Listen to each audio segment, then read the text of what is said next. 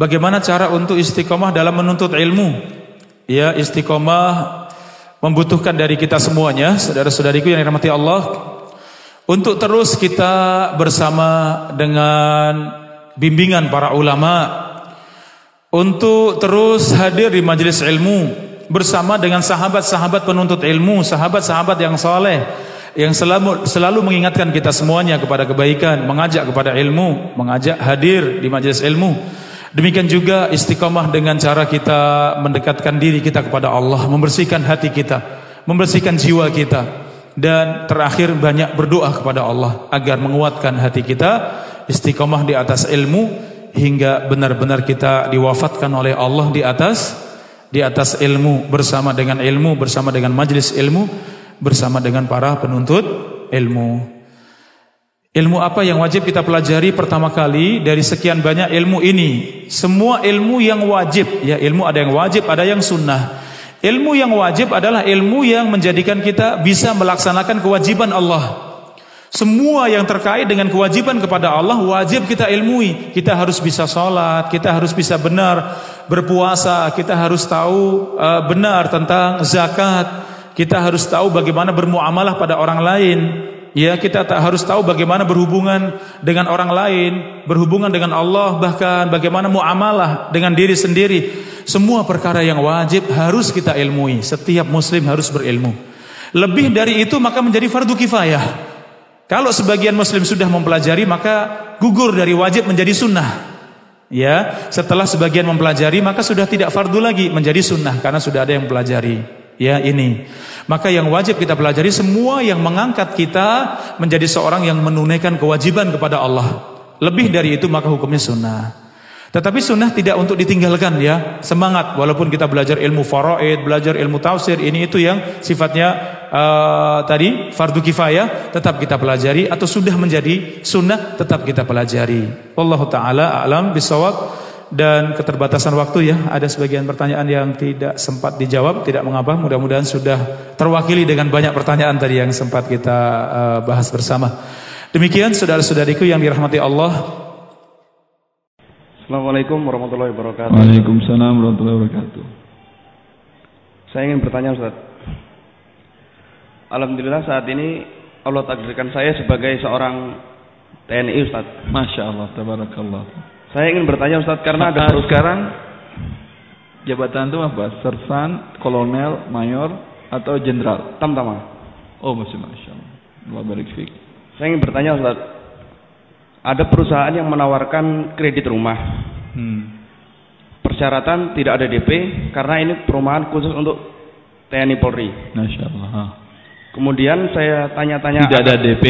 Tidak ada DP. Tanya, tidak ada denda keterlambatan. Tidak ada. Artinya Saya, kalau nyicil terlambat angsuran tidak diterima pertambahan. Tidak ada. Alhamdulillah. Tidak ada juga angsuran. Ada Ustaz.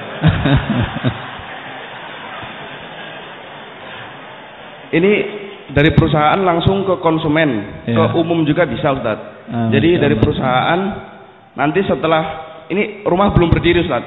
Ya. Rumah belum belum berdiri. Saya diwajibkan membayar satu juta Ustaz. Satu juta ini katanya untuk administrasi Ustaz.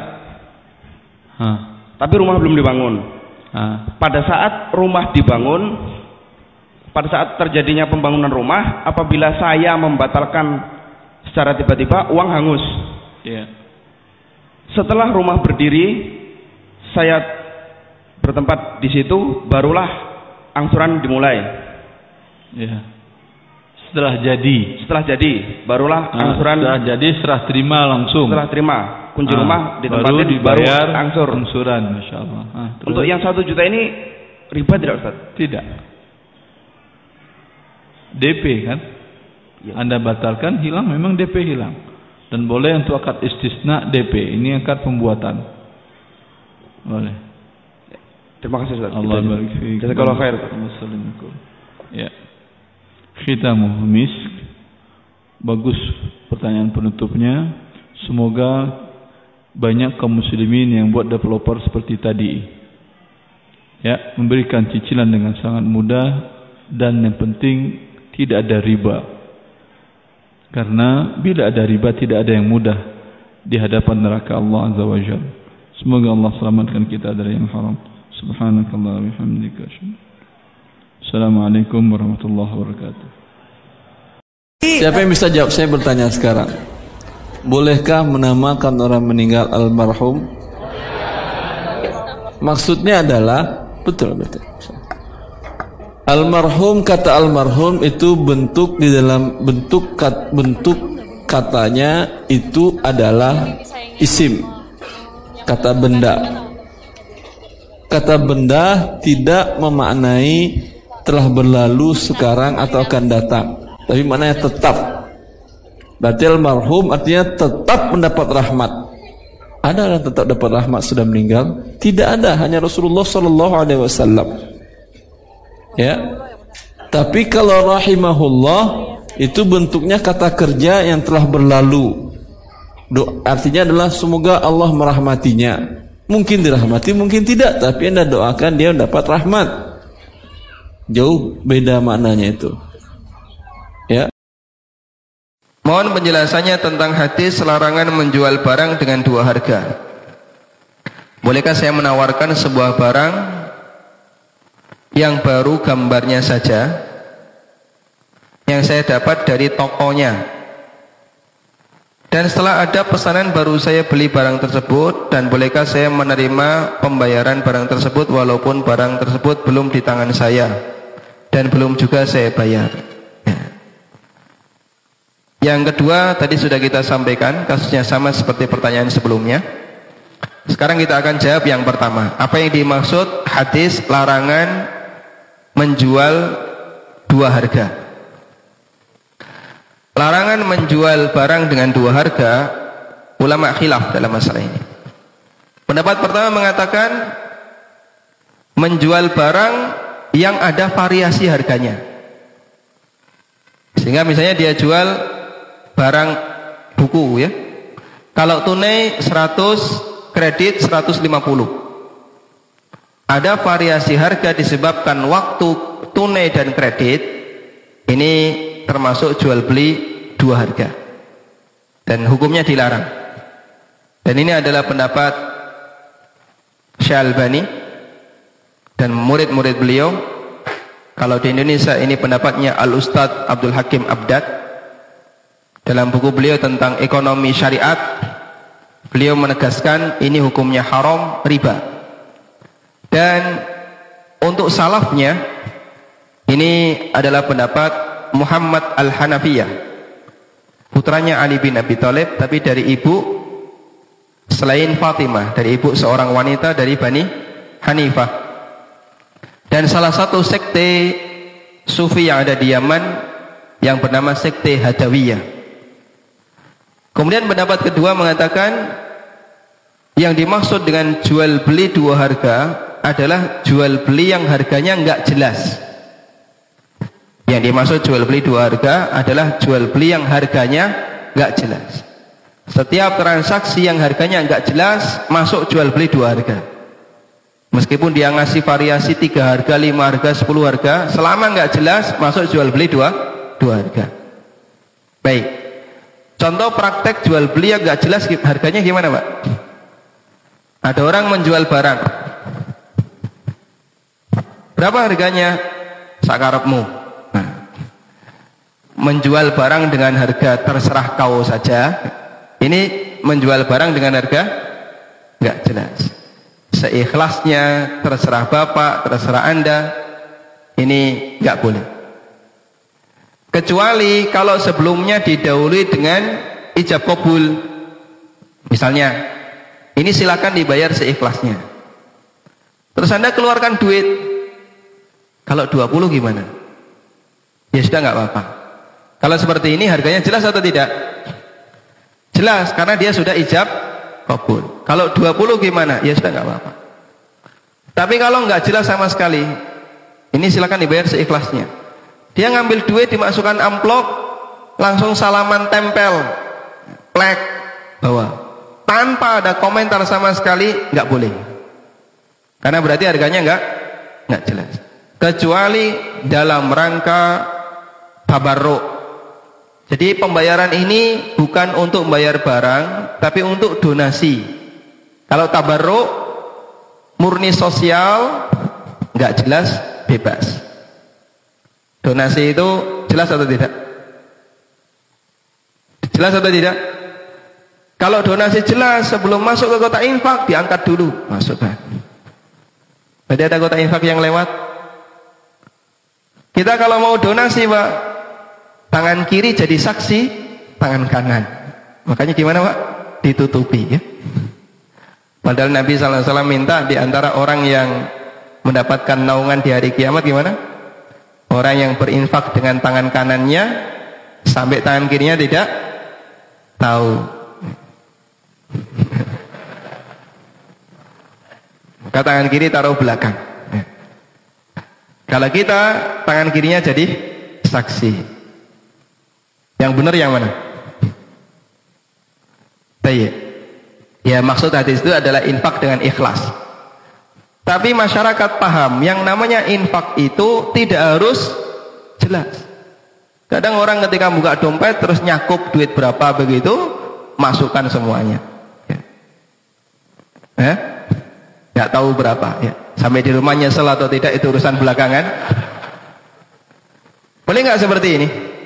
Boleh. Karena sosial itu tidak harus jelas. Beda dengan komersil. Kalau komersil wajib jelas. Sehingga waktu menyerahkan dia harus ijab kabul. Baik. Praktek yang ada di Padang ya. Jual beli sapi dengan pembayaran di bawah sarung ya. Bayar ditutupi sarung. Ini melanggar dalam transaksi yang sesuai syariat. Islam tidak melarang seperti ini, nggak boleh seperti ini. Karena ini transaksi komersil. Sehingga wajib jelas. Berapa harganya harus disebutkan. Baik. Kemudian termasuk contoh jual beli yang harganya tidak jelas adalah jual beli dengan harga yang bervariasi tapi berlaku dalam waktu bersamaan. Misalnya, motor ini harganya kalau kredit setahun 12 juta. Kalau kredit 2 tahun 18 juta. Kredit 3 tahun 24 juta. Kemudian kita beli. Baik saya beli. Perjanjiannya kalau Anda bisa lunas tahun 12 kalau nggak bisa lunas tahun, lompat jadi dua tahun, 18. Kalau nggak bisa lompat jadi tiga tahun, 24. Sehingga variasi harga ini berlaku dalam waktu bersamaan. Tergantung berapa lama Anda bisa melunasinya. Ini transaksi jual beli dua harga yang dilarang dalam Islam. Wallahu alam.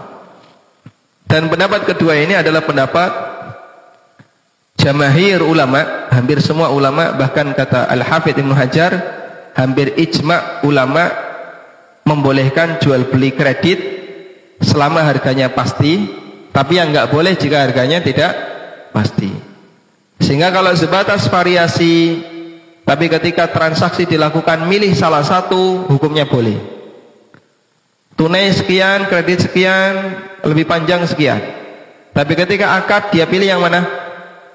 salah satu, bukan milih semuanya. Maka ini boleh dengan ijma' jamahir ulama. Wallahu alam. Ustaz, apakah dosa-dosa yang telah kita lakukan di masa lalu dan sekarang bisa menyebabkan diri kita terhalang dari terbukanya pintu rezeki? Secara umum maksiat bikin masalah. Secara umum maksiat bikin masalah. Apakah masalah ekonomi, apakah masalah keluarga? Kalau ternyata ekonomi lancar nanti masalah keluarga. Kalau ekonomi lancar masalah keluarga lancar mungkin masalah yang yang lain. Intinya maksiat itu bikin apa? Bikin masalah. Ya. Bisa jadi seorang terhalang dari rezeki karena maksiatnya. Ya. Bisa jadi seorang dia bermaksiat riba tapi duitnya banyak, tapi dia musibah di sisi yang sisi yang lain. Ya. Dihalangi dari sholat malam misalnya, dihalangi dari khusyuk dalam sholatnya misalnya, atau masalahnya keluarganya bermasalah dan yang lainnya. Karena dalam beberapa bulan ini uh, Allah masih belum membuka pintu rizki. Ya, coba banyak istighfar dan berusaha. Hanya beberapa bulan, sebentar baru beberapa bulan ya. Jangan yang putus asa. Selalu husnudzon kepada Allah Subhanahu wa taala.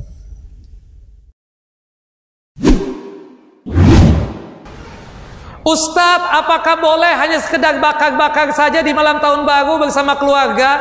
Kenapa bakar-bakarnya di malam tahun baru doang? Tiap malam dong. Astagfirullahaladzim. Menghususkan ini loh. Ini yang bahaya menghususkan. Ya kan? Jangan kebablasan. Ini bakar-bakar ikan malam tahun baru.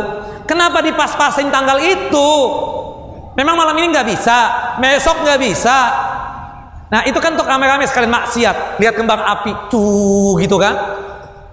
Itu yang kadang kita ini Allahu Akbar. Ya, kok pas momen itu baru acara makan-makan. Kemarin ke mana nggak pernah acara makan-makan? Sama dengan kajian nih, bikin tablik akbar. Daripada anak muda ikut maksiat saat tahun baruan saat ya kita iktikaf dari masjid. Ya Allah ya Rabb, antum menghususkan kalau tutup tahun dan apa buka tahun itikaf iya Ustaz daripada kita maksiat ya Allah boleh nggak begitu nggak boleh membuat bid'ah yang baru itu lari dari mulut harimau ke mulut buaya itu antum sama halnya ada sebagian ustadz bikin kajian tablik akbar malam tahun baru untuk menghindarkan pemuda agar jangan sampai ikut acara-acara maksiat tahun baruan itu pun juga salah kenapa mengkhususkan acara kajian di malam tahun baruan. Kenapa bikin tablik akbar khusus malam tahun baruan? Nah ini problem masalah ini. Ini yang tidak benar. Kajian seperti ini nih, gak ditentukan waktunya. Kapan waktu kita ingin Bismillah udah. Lain ceritanya kalau misalnya saat tadi malam ada kajian kita rutin, nggak ada masalah, nggak ada masalah. Nanti saat malam tahun baru juga ada kajian rutin lagi, nggak ada masalah. Yang menjadi problem itu kok dihususkan nggak pernah ngisi kajian tahu-tahu ngundang ustadz khusus kemudian bikin tabligh akbarnya di malam yang khusus juga ini yang tidak benar jelas ya ya salah total lah kita katakan seperti itu jangan sudah udah kita kita ini punya iman di rumah kita bisa ibadah masya Allah ya termasuk yang khusus itikaf itu sama sudah tuh penghususan itikaf Kenapa nggak itikaf kemarin? Kenapa bulan yang lalu yang nggak itikaf? Enggak, pas momen aja sekalian kan. Kelihatannya subhanallah seperti ajib kan begitu. Sepertinya masya Allah banget kan. Padahal itu subhanallah talbisul iblis. Makanya syaitan itu, iblis itu, itu lebih menyukai siapa? Ahlul bid'ah apa ahlul maksiyah? Ahlul bid'ah. Karena kalau orang ahlul bid'ah itu nggak tahu dia salah. Tapi kalau ahlu maksiat, zina, berjudi, minum khamar, dia tahu dia salah, makanya sembunyi-sembunyi kan. Tapi kalau ahlu bidah terang-terangan, malah menentang kadang kan. Nah itu, iblis lebih nyukai begitu antum. Nah ini kan, janganlah sudah antum lari dari mulut harimau, kemudian datangnya ke mulut buaya. Itu sama tadi. Jangan dikhususkan, jangan dikhususkan kita katakan. Itu saja. Nah, Terakhir ya, suara nggak kuat nih. Saya seorang security Ustaz. Seorang security. Kalau Anda baca dari hafalan, tidak ada masalah. Tapi kalau Anda baca dengan nazar, ya, akan lalai pekerjaan Anda. Maling akan lihat ini orang yang khusyuk baca Quran katanya. Saatnya bekerja kata mereka. Anda digaji untuk siap selalu dalam keadaan stabil sama juga menggunakan waktu kerja tadi untuk melakukan salat sunat Masya Allah duha 8 rakaat Hah? setiap dua rakaat istirahat 10 menit ya ini bagian daripada berkhianat ini khianatnya sangat buruk berkhianat dengan nama ibadah kepada Allah Azza wa Jal. Dia jadikan ibadahnya kepada Allah cara untuk dia berkhianat. Nah, kalau sudah terjadi, semoga Allah mengampuni orang tua Anda. Tutup utang riba tadi secepatnya bukan cicilannya. Ini masih berjalan akadnya, maka dosa orang tua Anda terus mengalir. Kalau ingin tutup pokoknya bayarkan ke bank, minta nego ke bank, bayar pokoknya, kemudian berakhir akadnya sisa pokok yang saya maksud karena Allah mengatakan intubtum falakum ru'usu amwalikum Bila kalian bertobat untuk kalian hanya pokok uang kalian. Kalau yang pokoknya nggak ada masalah, tapi yang dibayar tiap bulan kan bukan pokoknya saja, pokok tambah bunga riba kan ya? Iya Ustaz. Iya, sebanyak bunga riba itu Anda juga ikut berdosa. Makanya saya katakan kalau ingin menyelamatkan orang tua Anda, bayarkan langsung sisa seluruh pokok hutangnya tadi berakhir akad ribanya.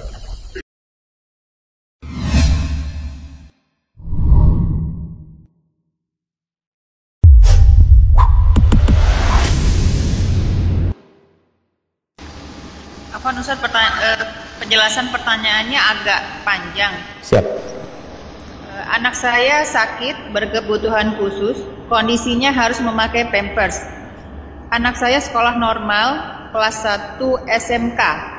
Kondisi fisiknya kaku, semu, eh, kondisi fisiknya kaku semua. Sekolah harus saya gendong sampai duduk di kelas. Belum bisa jalan, belum bisa makan dan minum sendiri, kemudian fisiknya hanya bisa menulis dan memegang HP saja. Pertanyaannya, bagaimana dengan wudhunya? Jika harus sholat, karena sholat asar harus di sekolah. Kondisi saya tidak mungkin bolak-balik ke sekolah untuk mewudukan. Bagaimana dengan kondisi jika kemungkinan pampersnya sudah terkena hadas kecil atau pipisnya? Bolehkah jika tanpa wudhu karena kondisi fisiknya yang kaku juga tidak bisa untuk tayamum sendiri?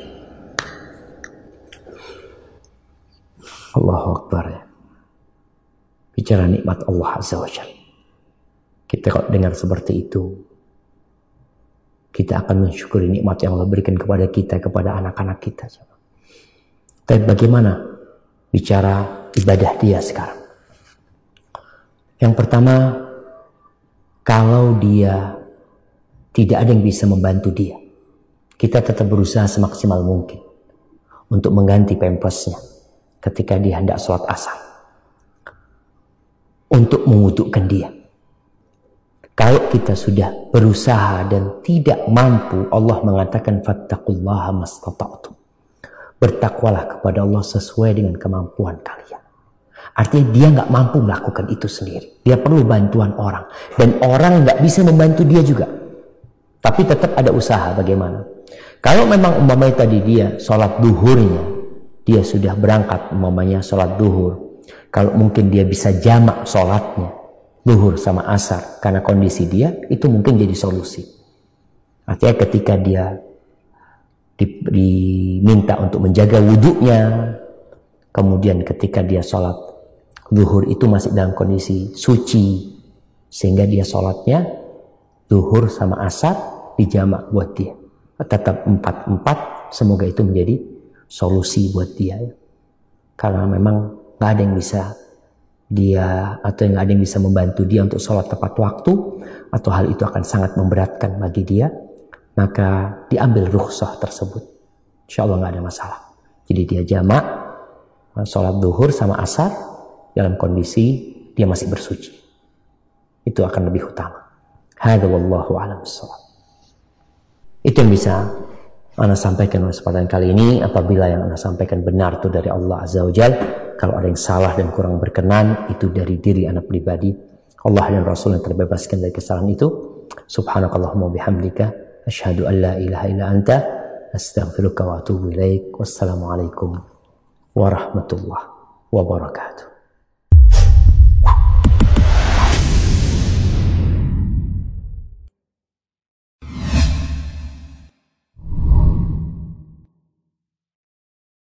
Apakah kita boleh saat kita membaca Al-Quran disertai dengan lagu agar dapat menikmati Al-Quran? Boleh, asalkan jangan dijadikan nyanyian.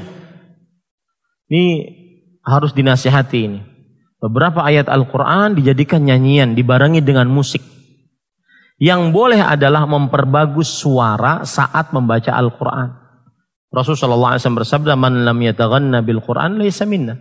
Siapa yang tidak membaguskan suara saat membaca Al-Quran, maka bukan dari kami.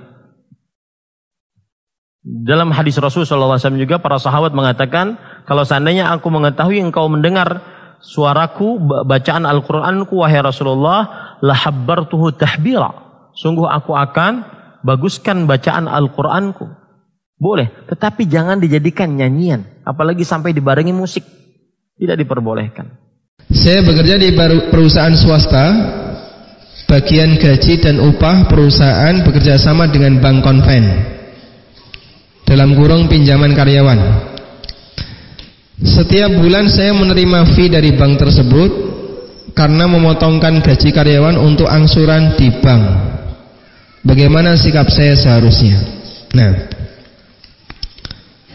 wallahu taala alam selama pinjaman karyawan ini ada bunganya berarti fee yang Anda dapatkan dari bank adalah hadiah disebabkan karena transaksi riba. Maka tidak boleh Anda bawa, tidak boleh Anda ambil. Kalau mereka tetap ngasih, maka nilai uang itu harus disalurkan ke tempat yang lain. Bisa diberikan kepada fakir miskin atau untuk kepentingan yang sifatnya fasilitas sosial. Fasilitas umum seperti jalan dan yang lainnya. Wallahu a'lam. Bagaimana tanggapan atau balasan kita apabila kita mendapatkan kiriman ucapan selamat tahun baru dari klien kita yang kebetulan Nasrani serta pada ucapan tersebut ada doa semoga selalu diberi kesehatan dan sukses jazakallahu khairan. Iya terima kasih. Uh, hadirin yang dirahmati oleh Allah Subhanahu wa taala, uh, hendaknya kita bicara baik-baik dengan dia. Terima kasih atas perhatiannya tapi saya tidak merayakan. Jadi terima kasih atas perhatiannya saya hargai tapi mohon maaf saya tidak merayakan. Karena saya lagi merayakan tahun baru ini tidak tidak simpel. Karena kita tahu bersama bahwa eh, tahun baru Masehi awalnya awal tahun itu di bulan apa? Hah?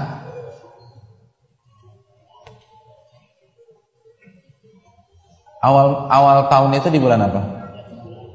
Enggak, di bulan Maret. Itu awalnya di bulan Maret. Makanya ada bulan September, Oktober, November, Desember. September. Apa arti September? Dari kata septa. Apa arti septa? Yang punya nama Sabta? Tujuh. Terus Oktober dari kata-kata Okto. Apa arti Okto? Delapan. November dari kata-kata Novum. Apa arti novum? Sembilan.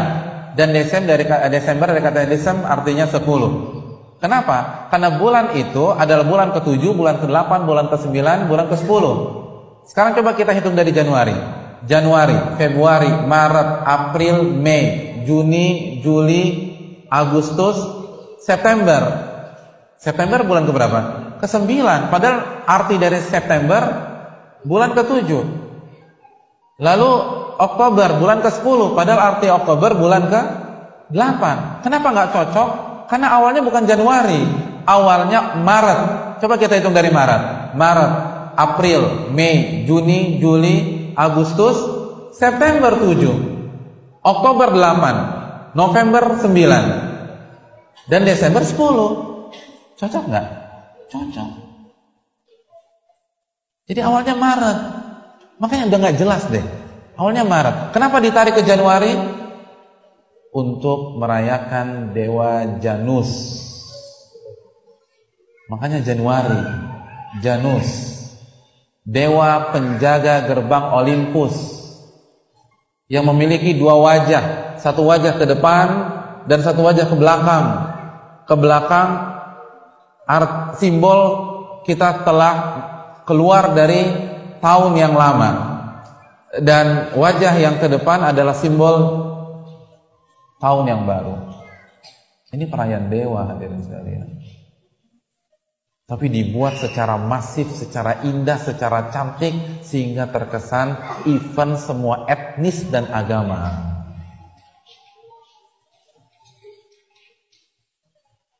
Oleh karena itu hendaknya kita kembalikan kepada sejarah tersebut.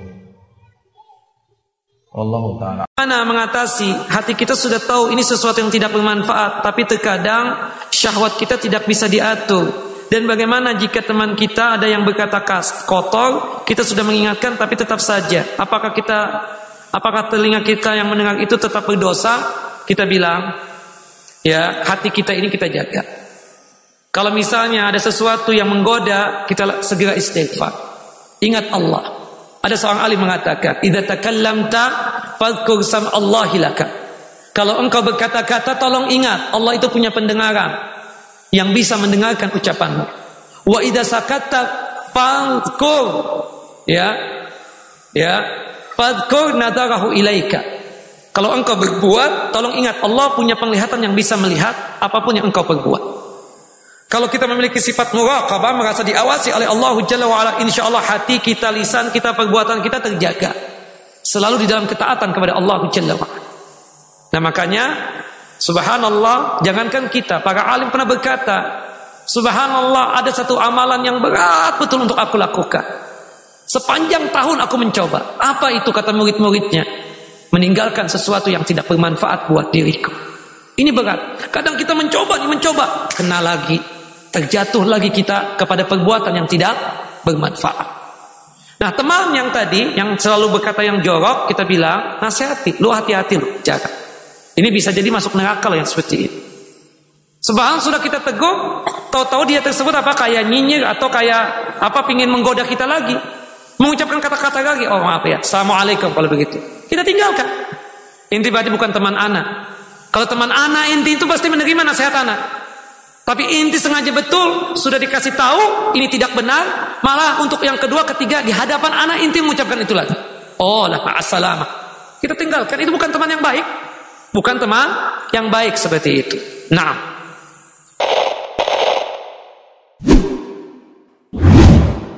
Bismillah Ustaz, apakah boleh kita mentargetkan istighfar misalnya seribu kali per hari?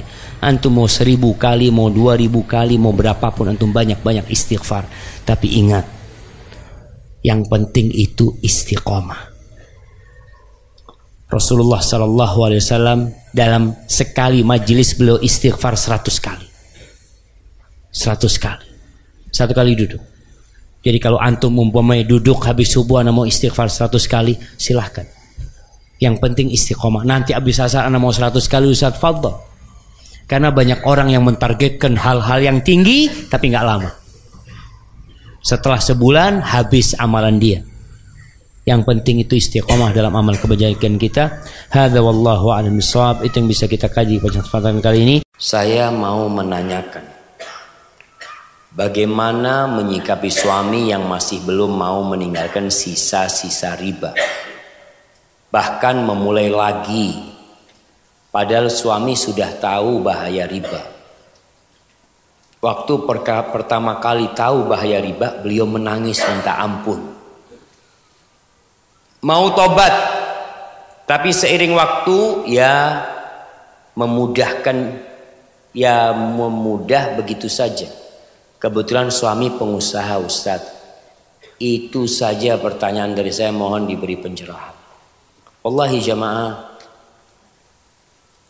Orang itu selalu berpikir Ini pengusaha Makin dapat modal besar, semakin dapat keuntungan besar. Tapi dia lupa kebanyakan orang yang modal besar dari bank riba dia itu budaknya bank. Kalau bicara keuntungan sampai ada satu orang tiap bulan nyicil 10 juta ke bank bunganya saja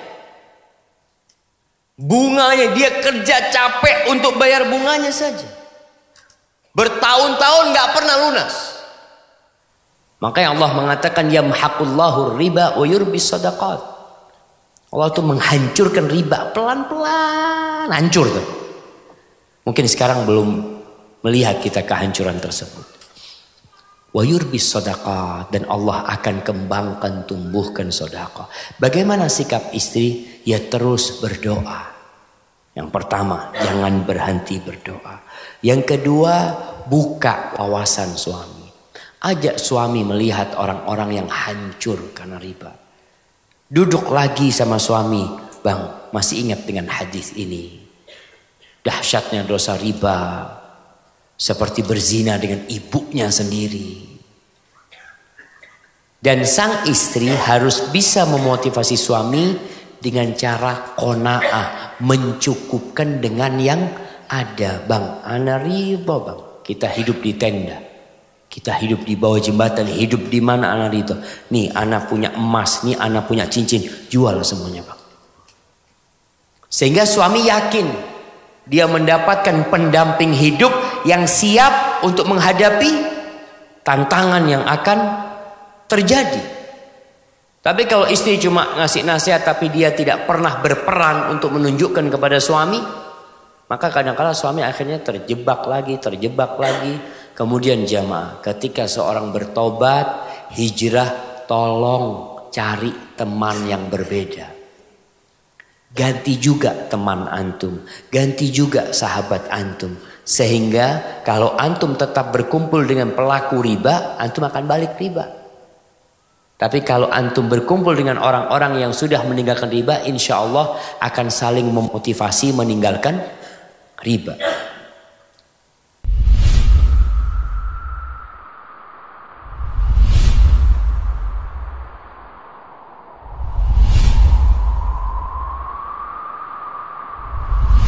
جزاء الإحسان إلا الإحسان Bagaimana cara menghadapi suami yang tidak menafkahi lahir? Menafkahi lahir ini tidak kasih fulus gitu maksudnya. Nah, sekali lagi anti salah pilih suami. Ada yang salah pilih istri, ada yang salah pilih suami. Kenapa anti mau sama dia? Kita tadi sampaikan salah satu syarat bukan syarat kriteria suami idaman itu adalah dia memberikan nafkah walaupun tidak kaya, nggak harus kaya, semampunya. Liun fiqhu sa'atin min sa'ati. Terus apabila seorang suami tidak memberikan nafkah kepada istri, istri bisa menuntut. Itu hak dia. Kalau suami males. Tapi kalau suami giat, suami anak giat, Ustaz. Tapi memang kayaknya rezekinya susah ya Ustaz. Dia berusaha untuk bekerja. Tapi kadang-kadang dan seharusnya bila Anda menyerahkan uang kepada orang lain dalam bentuk pinjaman, minta barang gadaian atau pihak penjamin seperti yang diperintahkan oleh Allah Azza wa Jalla farihanum kata Allah ambil di tangan anda barang jaminan ya walaupun orang muslim yang baik walaupun orang muslim yang baik anda menyerahkan uang atas sesuatu yang belum Anda terima imbalannya sekarang, minta barang jaminan kepada dia. Itu perintah Allah Azza Ketika tidak dapat barang jaminan dan Anda menyerahkan kepada dia, berarti Anda sudah siap hutang Anda itu tidak dibayar. Di dunia mungkin dia bisa berkelit, tapi di akhirat pasti akan dibayar oleh orang yang berhutang tadi. Nikah 100 juta? Iya. Ya, subhanallah. Ini pelajaran ke depan bagi ikhwan yang belum nikah. Anda mau nikah, mau menikmati hidup, mau bukan diimpit dengan hutang riba. Ya, Allah sudah menjanjikan neraka bagi pelaku riba. 'Ada fa ulaika ashabun nar hum fiha khalidun. Siapa yang kembali berbuat riba setelah Allah mengharamkannya, maka mereka adalah penduduk neraka. Mau nikah kan mau enak-enak. Dimulai dulu dengan riba, Wallahu a'lam. Sekarang kebutuhan pokok berapa? Antum hitung kebutuhan pokok untuk nikah tadi, jangan terlalu wah-wah, biasa aja. Cukup 10 juta? Cukup 10 juta, 90 jutanya kembaliin lagi secepatnya. Agar berkah rumah tangga Anda ke depannya. Perjalanan dinas selama tiga hari. Namun, pada kenyataannya kami hanya e, berangkat kegiatan itu hanya dilaksanakan sehari. Namun di surat tugasnya itu tiga hari.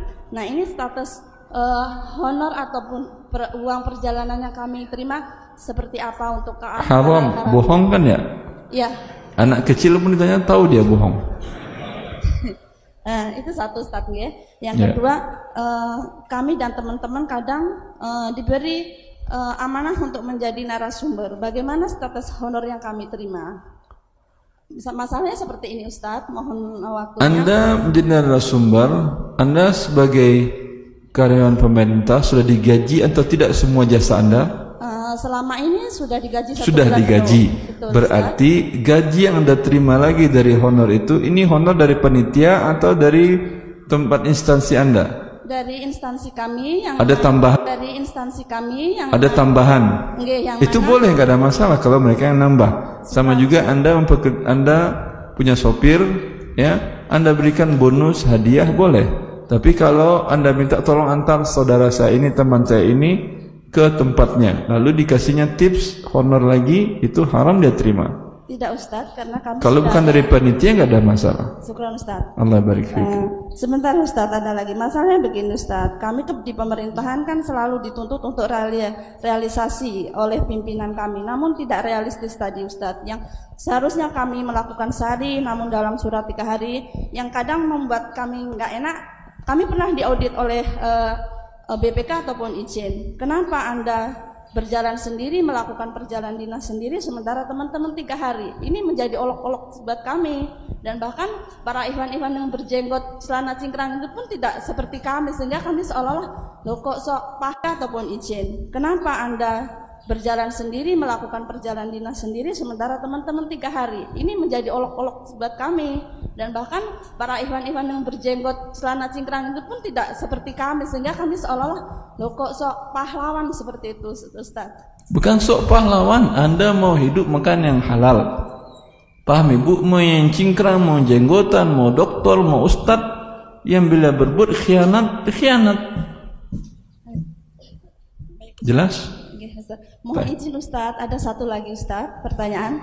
Masalahnya begini Ustadz, Ya. ini akan kami sampaikan ke teman-teman agar teman-teman uh, bisa menerima kondisi apa yang diterima halal haramnya tidak tercampur antara yang halal dan haram. Hmm. Begitu. Yang uh, pertanyaan kedua begini Ustadz, kami Ini ketiga, Pak. Oh. Begini Ustadz, yang kedua kami selaku panitia penerima hasil pekerjaan Panitia, Iya, panitia hasil penerima pekerjaan atau PPHP. Tugas kami sebagai panitia menguji untuk kegiatan non kontraktual.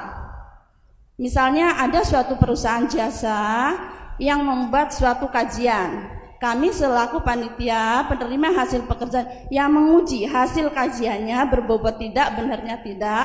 Kami setiap bulan sudah mendapatkan honor dari eh, standar biaya umum Kementerian Keuangan yang sekian paket sekian. Namun pada saat para eh, penyedia jasa ini berpresentasi, kami mendapatkan honor Ustadz. dari Bagaimana- siapa lagi? Dari eh, Peserta. Oh, tidak Ustadz, jadi uang yang kami bayarkan ke pen- penerima jasa atau pe- eh, perusahaan pihak ketiga itu mengeluarkan honornya untuk kami selaku pengawas itu Ustadz. Ini statusnya bagaimana? Anda sudah dapat gaji dari institusi Anda untuk pekerjaan ini. Eh, sudah. Terima lagi dari pihak yang lain. Betul Ustadz. Rishwah haram.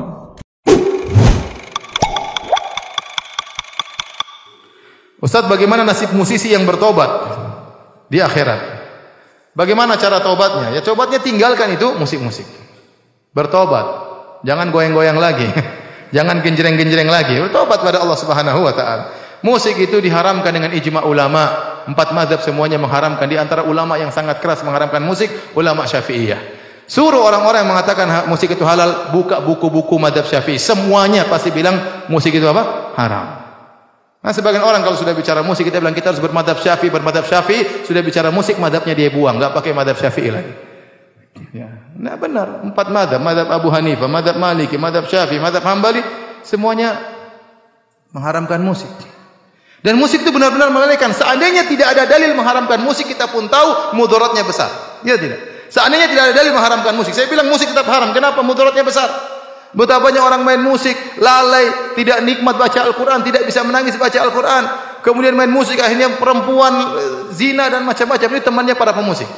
Apakah musik mendatangkan kebahagiaan? Jawabannya tidak. Kalau musik mendatangkan kebahagiaan, harusnya para pemusik adalah orang yang paling bahagia. Ternyata di antara mereka ada yang morfin, di antara mereka ada yang berzina, rumah tangganya rusak, di antara mereka yang dibunuh diri. Ya, kalian ingin bahagia, baca Al-Quran. Baca Al-Quran. Betapa banyak mereka menampakkan diri mereka seakan-akan berbahagia, ternyata mereka tidak bahagia. Ente lihat aja nasib-nasib mereka lihat. Kenyataan yang ente lihat bisa lihat. Apakah mereka bagus? Mungkin ada satu dua, tapi Islam dibangun di atas hukum golib. Biasanya bagaimana? yang nadir, yang jarang tidak dijadikan sebagai landasan hukum. Kalaupun tidak ada dalil yang mengharamkan musik, saya bilang haram. Apalagi ada dalil yang mengharamkan apa? Musik. Apalagi ijma ulama mengharamkan musik. Benar-benar melalaikan ya. Ustadz, apabila kita bersedekah, selain kita meniatkan pahala dan balasan dari Allah di akhirat dari sedekah tersebut, bolehkah kita juga meniatkan darinya agar kita mudah mendapatkan keturunan? Kita boleh bersedekah kemudian kita berdoa. Ya Allah, saya bersedekah, mudahkanlah keturunan bagiku misalnya, nggak ada masalah. Ya, kita niatkan akan dimudahkan urusan kita boleh, nggak ada masalah. Ya barang siapa yang bersedekah menghilangkan e, kesulitan orang lain, Allah akan menghilangkan apa? kesulitannya. Boleh, nggak ada masalah ya nggak ada masalah tapi niat utama adalah karena Allah makanya boleh seorang bersedekah dengan niat untuk kesembuhan boleh bersedekah supaya menghilangkan kesulitan boleh ya boleh tapi niat utama adalah karena Allah saya pernah mendengar jika kita sholat tidak perlu niatnya diucapkan karena Rasulullah SAW tidak pernah mengajarkan atau tidak ada hadisnya lalu jika selama ini kita melafalkan niat sholat apakah termasuk bid'ah berdosa atau tidak? Ya, termasuk bid'ah. Tidak ada hadis dari Nabi wasallam, tidak pula satu riwayat para sahabat melakukannya, tidak juga dari tabi'in, tidak juga dari imam yang empat. Silakan baca dalam buku-buku atau fatwa-fatwa imam yang empat Abu Hanifah, Malik, Syafi'i dan Ahmad tidak seorang pun mengajarkan ucapan niat atau merangkai ucapan niat. Usolli fardal maghrib salat raka'atain salat raka'atin makmuman atau adaan atau imaman lillahi ta'ala. Tidak ada tidak ada satu empat imam mazhab pun yang mengajarkan. Ustaz, kita disunahkan untuk berzikir setelah salat fardu dengan membaca tasbih, tahmid, takbir. 33 kali. Pertanyaan kapan disunahkan membaca la ilaha illallah? Begini ya Bapak Ibu, berkaitan tentang masalah ini tasbih, tahmid, takbir. Ya. Dan tahlil juga itu ada tujuh pola yang umumkan kita katakan tas, setelah salat wajib ya. Itu tasbihnya kita baca subhanallah 33 kali. Tahmidnya 33 kali. Kemudian takbirnya juga sebanyak 33 kali. Kemudian la ilaha illallah satu kali. La ilaha illallah wahdahu la syarika la lahul mulku wa lahul hamdu wa huwa ala kulli syai'in qadir. Hadis Abu Hurairah, hadis yang dikeluarkan oleh Imam Muslim, kalau antum membaca 33 kali tadi, tasbihnya 33 kali, tahmidnya 33 kali takbirnya, tahlilnya satu kali, maka apa? Allah menghapuskan dosa-dosa kita meskipun dosa-dosa kita sebanyak wibu yang ada di lautan sekalipun. Nah artinya membaca tahlilnya itu setelah membaca tasbih, tahmid dan takbir. Ustaz ada yang kurang enggak? Ada. Tasbihnya 33 kali, tahmidnya 33 kali, kemudian takbirnya 34 kali tanpa tahlil. Tanpa apa? Tahlil. Hadis Ka'ab bin Ajrah radhiyallahu anhu. Ya Allah tambah banyak Ustaz. Nah, yang ketiga, pola yang ketiga. Hadis Abu Hurairah, hadis yang dikeluarkan oleh Imam Bukhari dan Muslim penggabungan tasbih, tahmid dan takbir tanpa tahlil. Kita banyak, kita baca sebanyak 33 kali. Subhanallah walhamdulillah. Ya wallahu akbar. Sekali subhanallah walhamdulillah wallahu akbar. Dua kali subhanallah walhamdulillah wallahu akbar. Tiga kali. Ini kita baca berapa? 33 kali. Yang kurang lagi ada enggak? Kata ibu-ibu. Ada bu. Hadis yang dikeluarkan oleh Imam Nasai. Tasbihnya kita baca sebanyak 25 kali. Kemudian tahmidnya kita baca sebanyak 25 kali. Kemudian takbirnya kita baca sebanyak 25 kali. Kemudian tahlilnya la ilaha illallah kita baca sebanyak 25 kali. Kalau berat juga pola yang kelima. Gabungan tasbih, tahmid, takbir dan tahlil tadi. Kita baca sebanyak 25 kali. Bunyinya seperti ini. Subhanallah walhamdulillah wa la ilaha illallah wallahu akbar. Sekali kita baca berapa kali tadi? 25 kali. Kalau antum malas juga pola yang keenam. Ya, hadis yang dikeluarkan oleh Imam Muslim, hadis dari Abu Hurairah. Subhanallah 11 kali, Alhamdulillah sebanyak 11 kali, Allahu Akbar 11 kali. Malas juga antum. Yang terakhir ini jangan malas. Hadis dari Abu Hurairah, hadis yang dikeluarkan oleh Imam Bukhari. Subhanallah 10 kali, Alhamdulillah 10 kali, Allahu Akbar 10 kali. Gak ada lagi yang lain. Nah, jelas ya? Taib.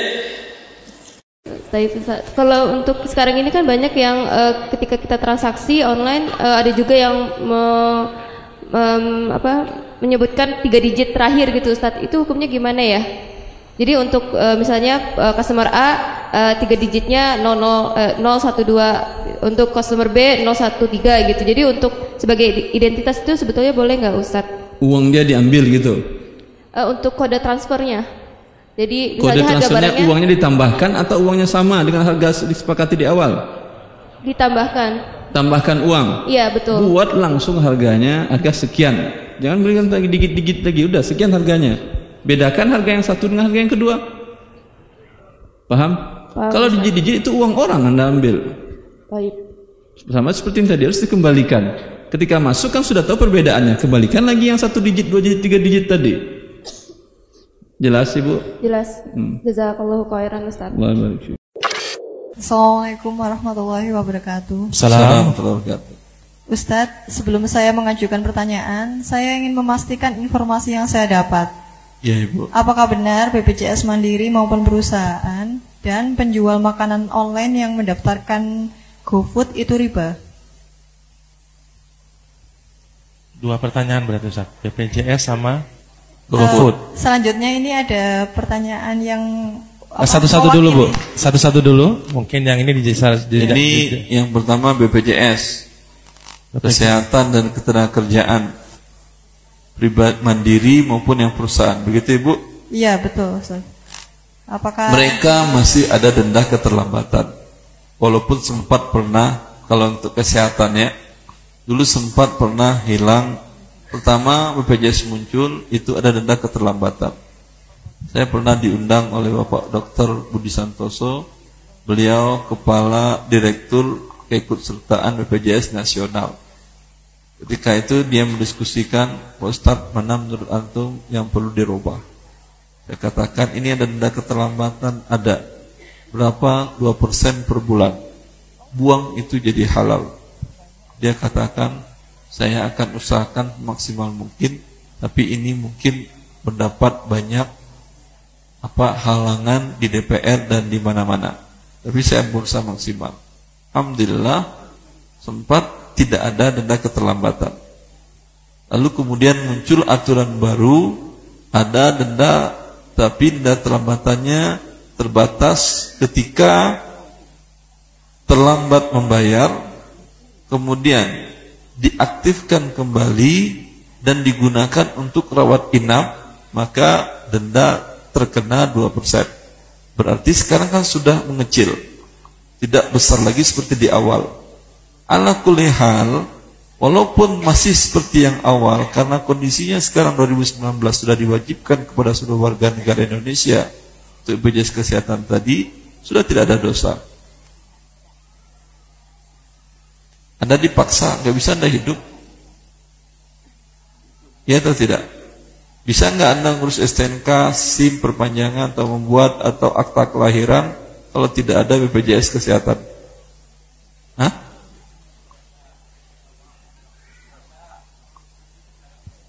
Bisa? STNK SIM? Oh, nggak bisa sekarang. Uh, kalau harus harus pakai BPJS ya sekarang. Dia bisa, Anda tidak bisa. Yang tidak yang yang bisa berarti tidak darurat dosa dia. Yang tidak bisa berarti darurat bagi dia halal. Gampang jawabnya. Anda coba dulu jangan pakai kemudian urus. Kalau bisa alhamdulillah jangan buat. Tapi nanti ketika Anda sakit bagaimana? Hah? Pakai PJS apa tidak? Cash. Cash. Kalau angkanya 10 ribu mungkin Anda bisa bayar. Kalau 100 juta? Enggak berobat. Betul semua qadarullah. Tapi berobat atau tidak? Bayar dari mana? Minta ke Allah. Betul minta ke Allah saya yakin. Saya berobat waktu itu di kraniatomi bedah tengkorak itu kebayang angkanya.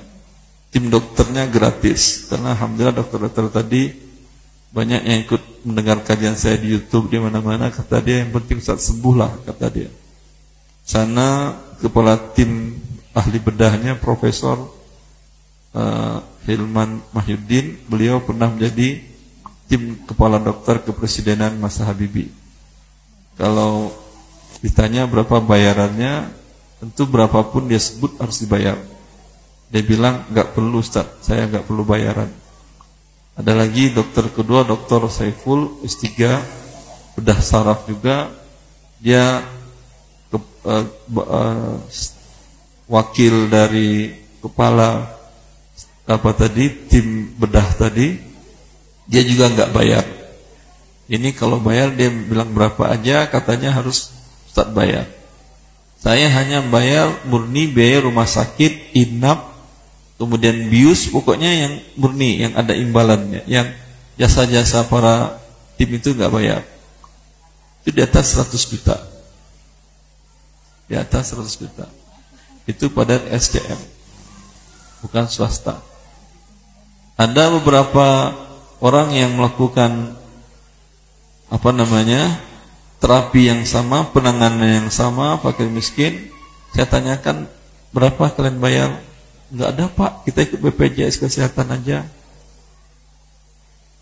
Terbantu atau tidak? Alhamdulillah. Berarti nunggu sakit baru bikin BPJS?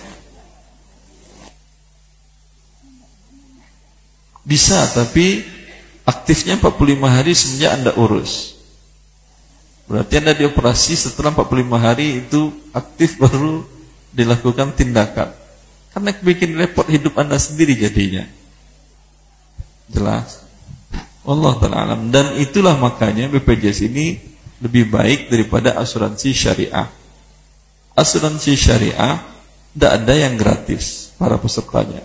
Mau miskin anda, mau orang paling alim, paling banyak ibadahnya se Indonesia, Indonesia, tapi nggak bayar, nggak bakal dapat dari asuransi syariah tadi penanganan atau pelayanan kesehatan gratis.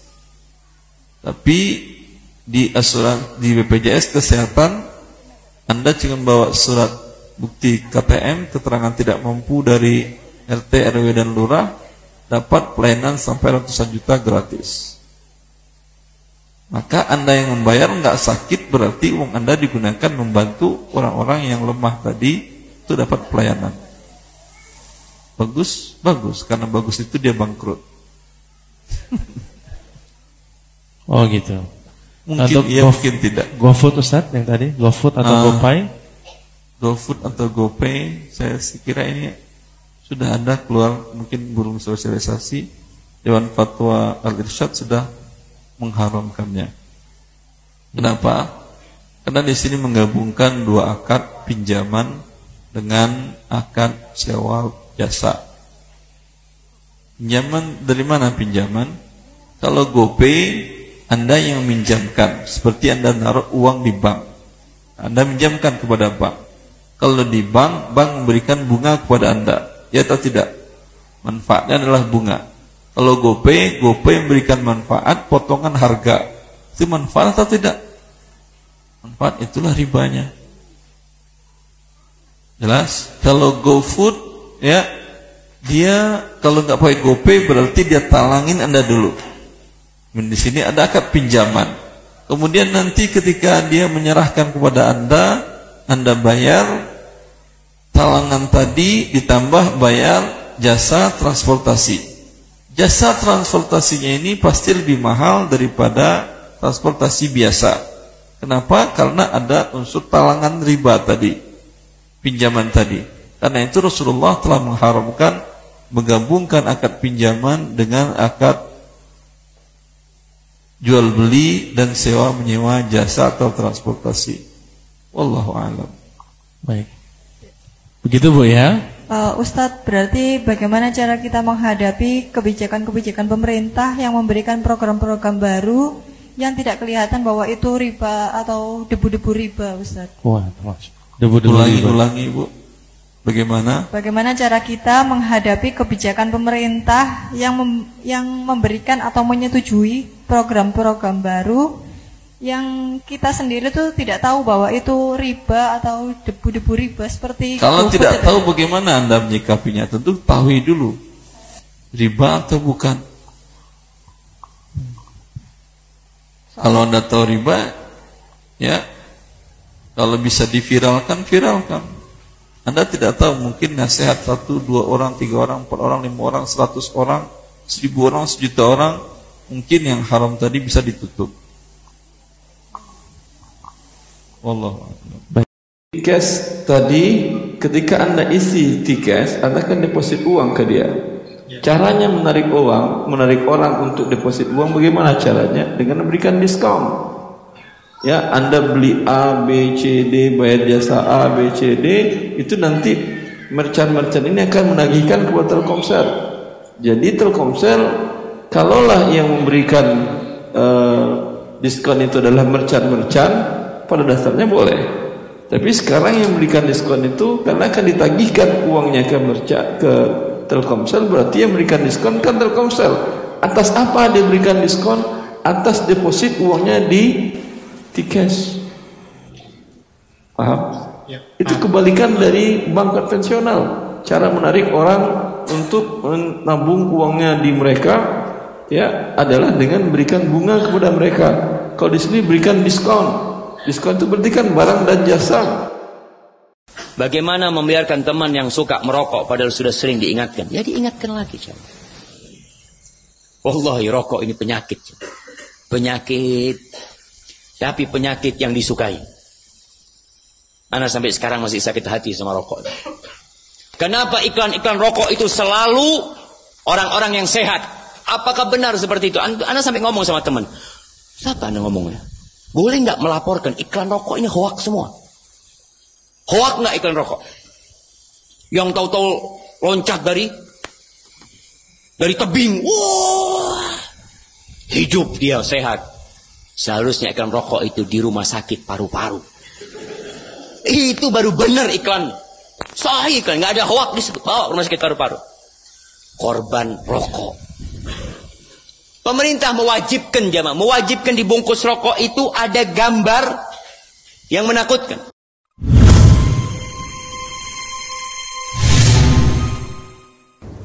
Bagaimana harus dilakukan untuk memaafkan ayah yang sering kali mengata-ngatai saya bodoh, malas, lamban, suka menyalahkan saya. Saya pintar, IQ 120. Di sekolah pintar, tapi tidak juara. Doakan kebaikan. Ini ini mungkin karena ayah anda bukan orang yang faham agama kan gitu. Orang yang faham agama. Jadi harusnya memang didoakan, diingatkan. Ayah ini adalah perbuatan kalau ayah ucapin kalimat itu nanti jadi doa buat saya. Kenapa ayah nggak doain saya kebaikan, gitu kan? Supaya saya menjadi tokoh masyarakat, saya menjadi yang soleh, saya menjadi anak yang bisa berbakti. Kalau dia tidak mau ya sudah, kita doakan supaya dapat hidayah saja. Memang ada satu hal yang teman-teman sekalian yang, yang kalau saya biasa berbicara dengan teman-teman yang sudah berumah tangga uh, dan punya anak sudah menjadi status orang tua, saya bahasakan begini, uh, ada satu hal yang harus kita perbaikin, yang sering tertanam secara tidak disadari dalam jiwa setiap orang tua. Anak-anak yang kita milikin, anak kita ini, walaupun pintarnya seperti apa, cerdasnya seperti apa, tetap status anak melekat dalam diri kita sebagai orang tua. Gitu kan? Jadi tetap saja kita anggap biar dia mau S1 kah, S2 kah, mau S10 kah, anak, kamu anak, tetap saja. Sebagian orang tua begitu prinsipnya, sehingga tidak boleh dinasihatin oleh anaknya. Ini sangat tidak bijaksana ya. Saya bersyukur kepada Allah SWT, ayah saya luar biasa gitu dalam mendidik. Saya dari kecil saya menyadari dan saya merasakan sendiri, dari saya masih SMA, sering kali kalau ayah saya itu ngajak duduk saya diskusi, kalau ada pendapat saya yang baik, diambil sama beliau. Sampai sekarang, kadang-kadang telepon-teleponan, saya sering ditanya, beliau jauh lebih tua dari saya. Gitu kan? Jauh lebih bijaksana, dituakan sekali di keluarga, didengar oleh masyarakat di Makassar. Tapi uh, saya melihat beliau sangat menghormati anaknya, sehingga saya pun punya percaya diri untuk memberikan pendapat-pendapat. Nah ini, saya melihat ini hal positif. Mesti kita sebagai orang tua jangan mengikat anak itu di status anak terus sehingga kita anggap anak yang tidak boleh atau tidak akan bisa memberikan masukan orang tuanya. Ini pemahaman yang salah. Orang tua yang susah juga orang tua yang, yang menghormati dan menghargai kalau pendapat anaknya positif, apalagi nasihat-nasihat agama. Jadi coba diberikan masukan ke ayahnya sambil didoakan. Mudah-mudahan saja beliau mau dengar gitu kan. Selebihnya innamal amal niat Allah lebih tahu insya Allah. Setiap kali dia berdoa tidak baik kita mengatakan ya Allah semoga saja ini tidak terjadi padaku. Kita berdoa kepada Allah SWT agar tertepis doa-doa tidak baik itu. Bismillah, ada orang yang baru hijrah langsung berlagak seorang ustadz dan jamaahnya memanggil ustadz pula. Saya ingin ketawa, tapi saya tahan takut dosa. Ketawa nggak dosa. Dalam dakwah dia berkata, kita manhaj salaf merasa paling benar sendiri dan salafi masuk neraka paling awal. Uh, itu fonis itu. itu fonis itu. Tolong bantahannya Ustaz. Nggak perlu dibantah, nggak akan nyambung. Kalau dia baru hijrah sudah menjadi sudah mustad gitu ya. Mestinya dia belajar dulu. Hijrahnya itu ke mana? Mungkin yang kemarin kita bahas jalan hijahmu seliru, salah. Harusnya ke sana ya malah ke sini. Keliru ya.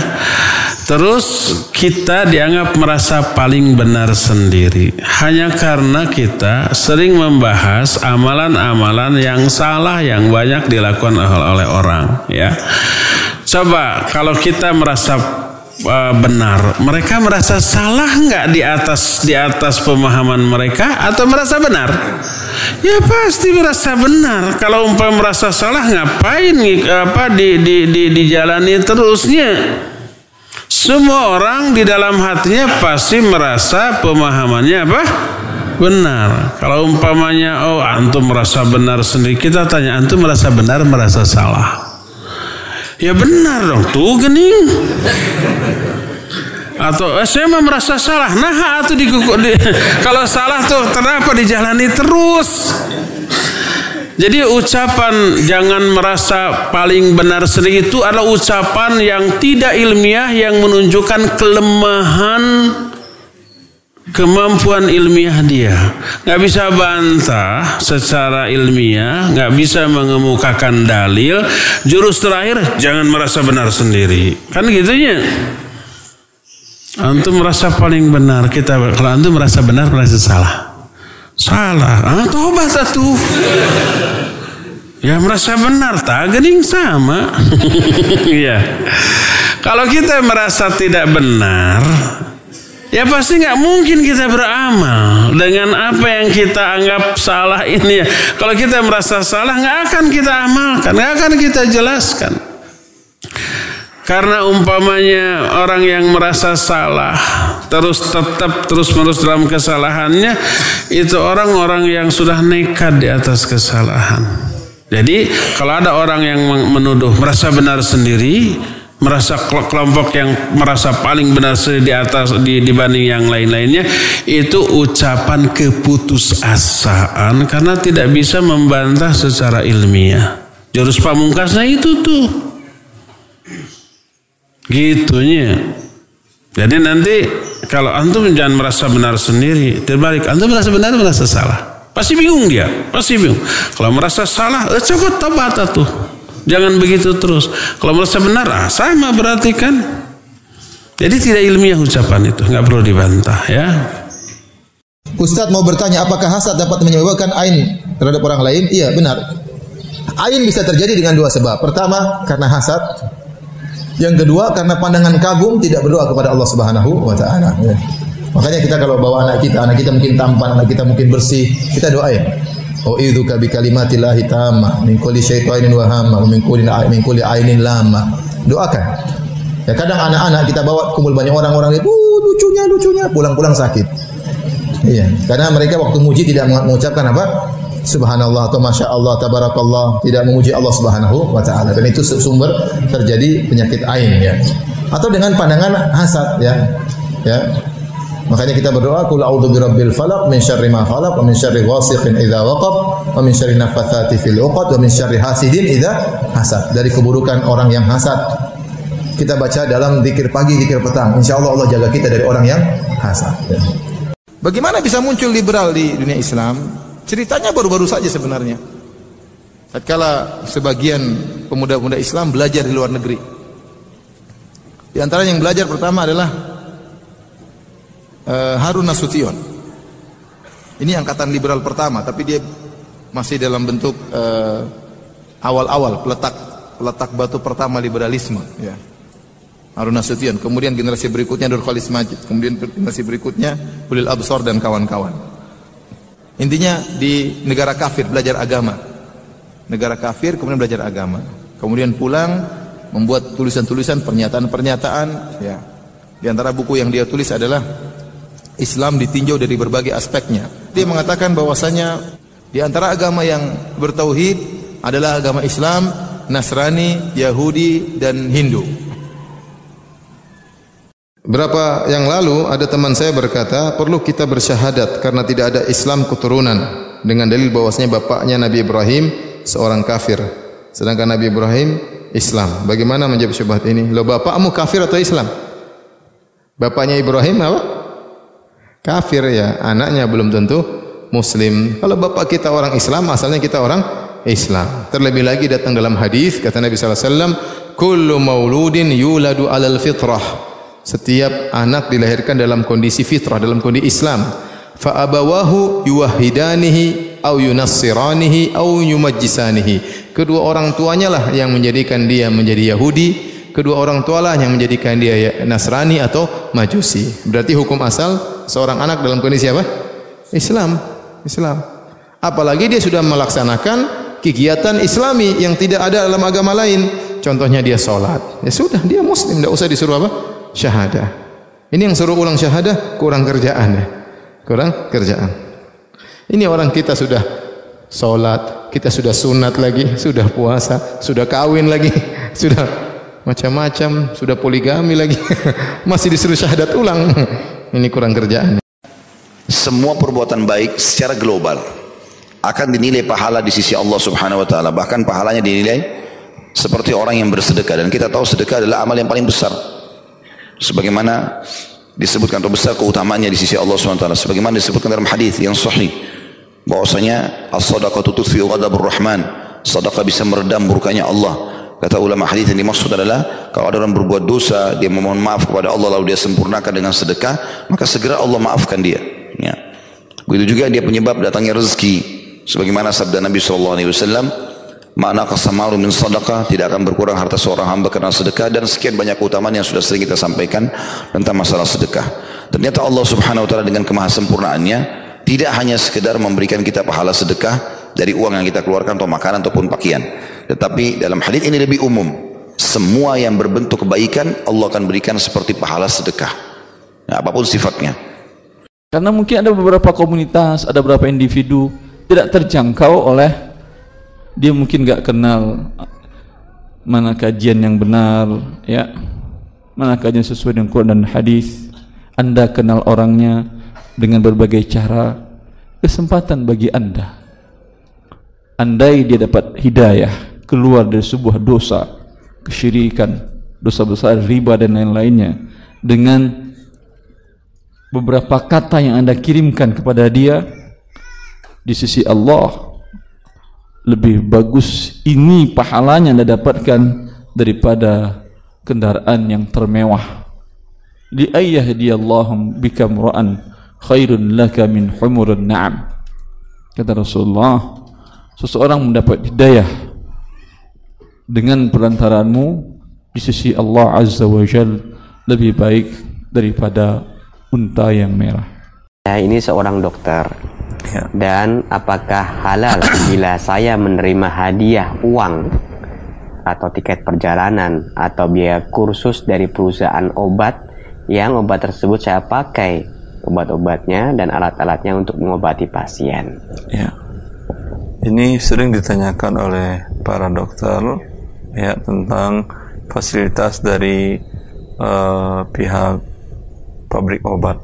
Ya kondisinya begini bila anda dokter adalah memiliki klinik sendiri praktek di klinik sendiri.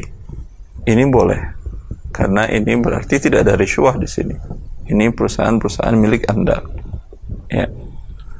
Bila Anda adalah karyawan di rumah sakit atau klinik orang lain, maka ini tentu tidak boleh. Kalau swasta mungkin masih ada solusinya dengan mengatakan kepada pemasok obat tadi, Anda jangan berurusan dengan kami, langsung berurusan dengan pihak rumah sakit. Ya.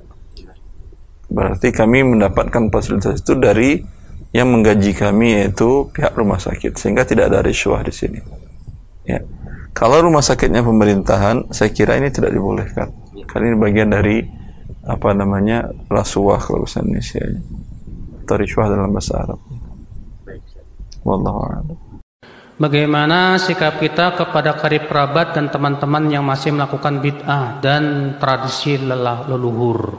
Ah, itu justru kesempatan kita dakwahi mereka dengan cara apa hikmah, dengan sejuk, cerdas, ilmiah, dengan akhlakul karimah.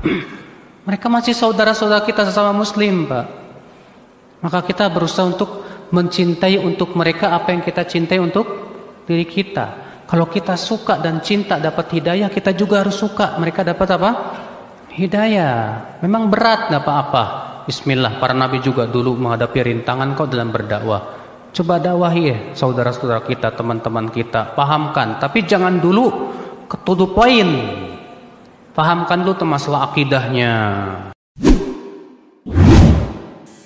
Ustadz bagaimana sikap kita ketika atasan atau pemimpin yang suka bicara menegur bawahnya dengan kata-kata yang kasar, tidak menyenangkan, kadang membuat hati ini tidak nyaman, bahkan sakit hati.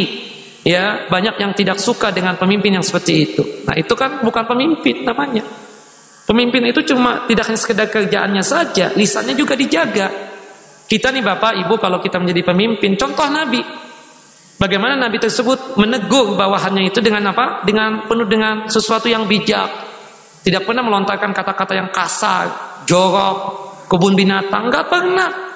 Maka Nabi SAW fahishan wala mutawahishan wala badi. Rasulullah itu tidak pernah berucap dengan kata-kata yang keji atau ucapan yang menyakitkan hati, tidak pernah mengucapkan kata-kata yang buruk dan jelek.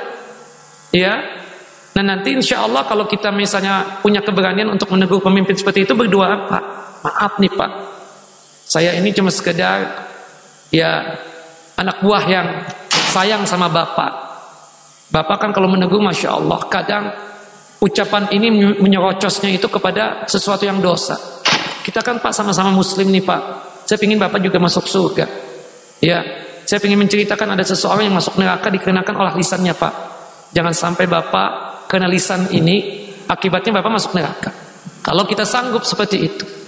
Kalau kita nggak sanggup, kita cari orang yang sanggup untuk memberikan nasihat kepada pemimpin kita. Eh ternyata kita nggak ketemu juga orang yang bisa memberikan nasihat kepada pemimpin kita atau atasan kita di perusahaan tersebut. Kita doakan dia. Semoga Allah Jalla wa'ala memberikan petunjuk dan hidayah kepadanya agar sanggup untuk menjaga apa? Lisannya. Seperti itu.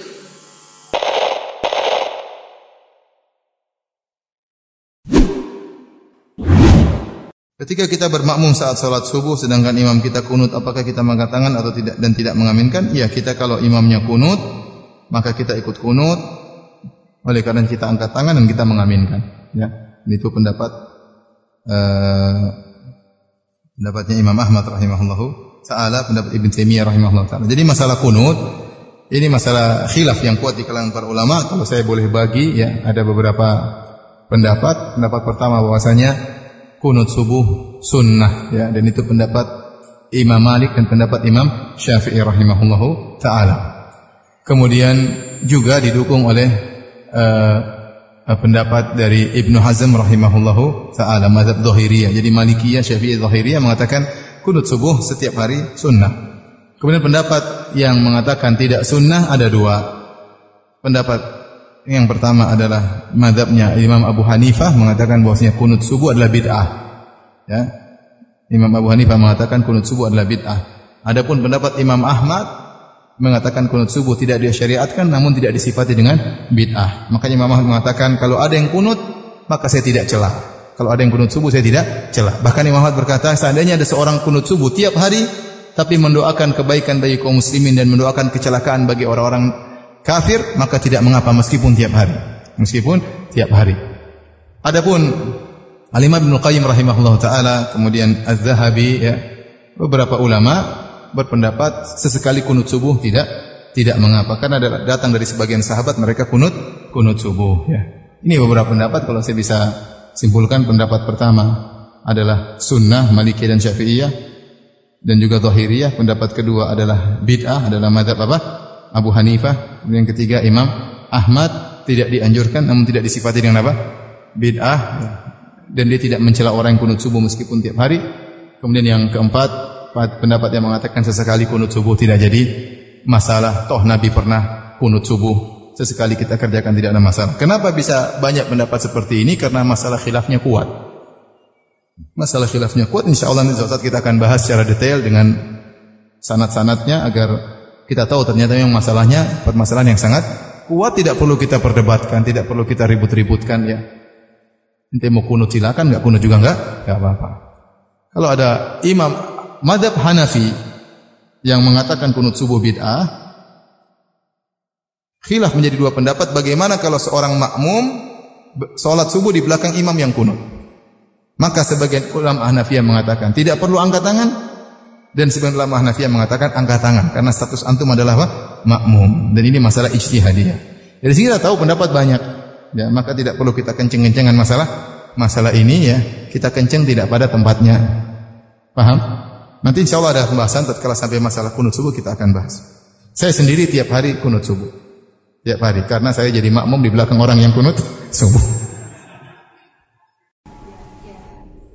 Beliau Dr. Deng Nazir pengawas pajak nasional ya beliau sudah lama desain iya kan ya tapi Sri Melni masih minta dia juga dia berkali-kali ngomong setiap temu saya sering saya bilang ke Bu Menteri Ustaz ini pajak ini zolim, zolim, zolim. Nariknya sudah zolim, orang terlambat dikenakan kezaliman baru lagi dengan berlipat-lipat dendanya.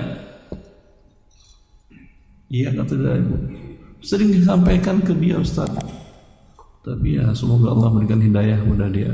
Itu ada kelas saya waktu di Amerika kata dia. Terdang Nazir itu dia tamat angkatan pertama dan dapat S3 keuangannya dari Amerika ya. ya dia dari sen lama.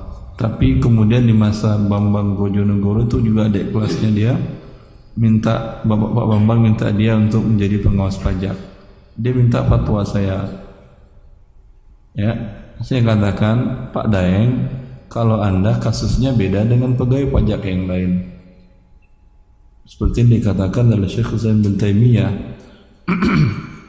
seorang penarik pajak halal bagi dia bekerja dengan syarat satu.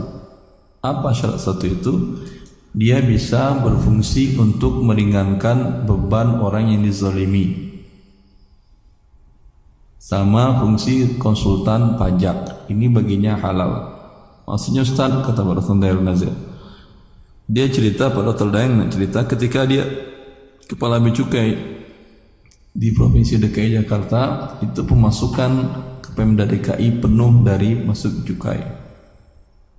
Ya, karena tidak ada orang-orang seperti Gayus di masa dia sebagai kepala kantor pajak. Kalau begitu Anda terus di kantor pajak.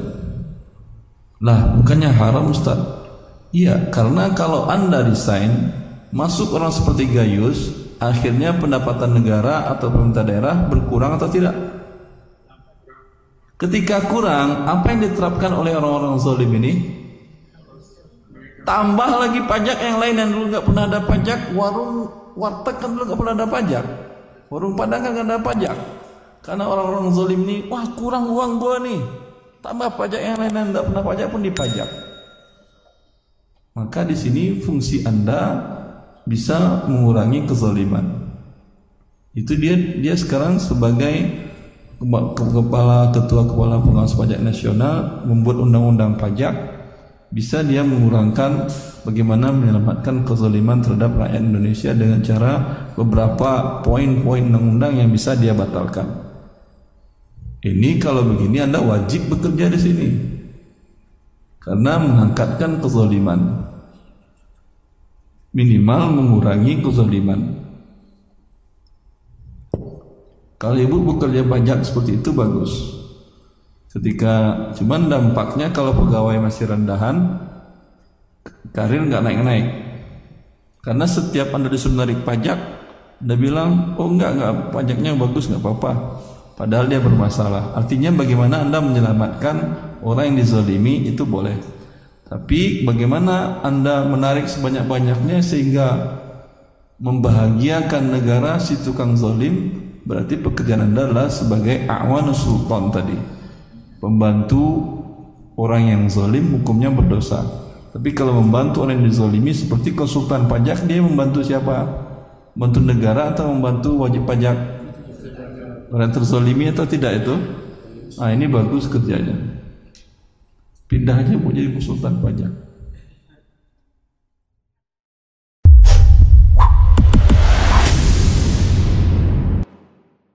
Ya Ustadz, ini uh, masih mengenai hadis di minggu yang lalu dengan bab yang sama.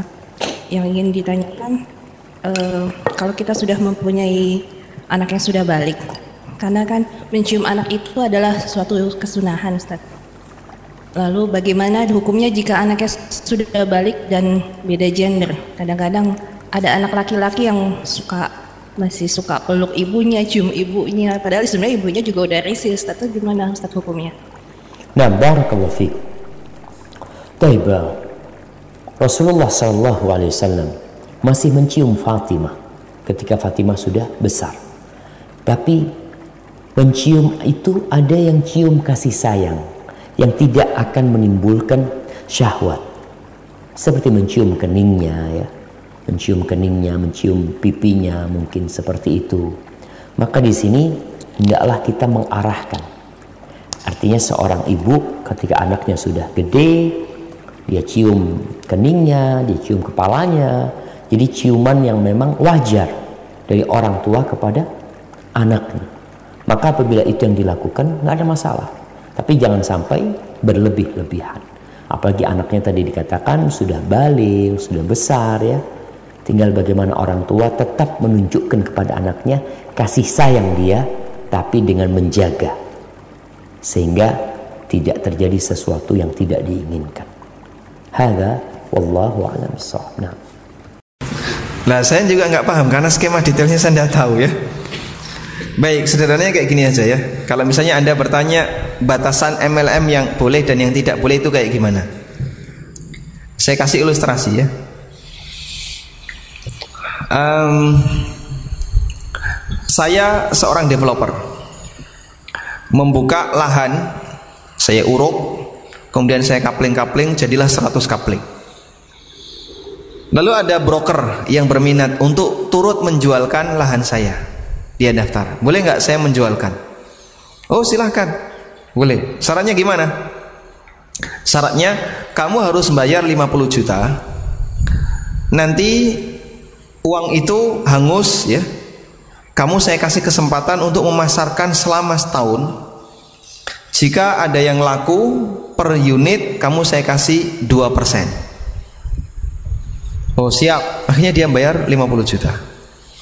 Kemudian dia pasarkan 100 unit ini dikasih waktu selama berapa? setahun. Kalau banyak yang laku dia bisa mendapatkan untung 50 juta tutup bahkan lebih kalau nggak ada yang laku dia rugi 50 juta paham ini? baik jual beli seperti ini atau skema kayak gini boleh atau tidak? tidak, kenapa nggak boleh? goronnya di mana? goronnya di mana? waktu setahun kenapa waktu setahun goror? kan pasti itu kenapa kalau nggak ada yang laku kemudian dia jadi goror?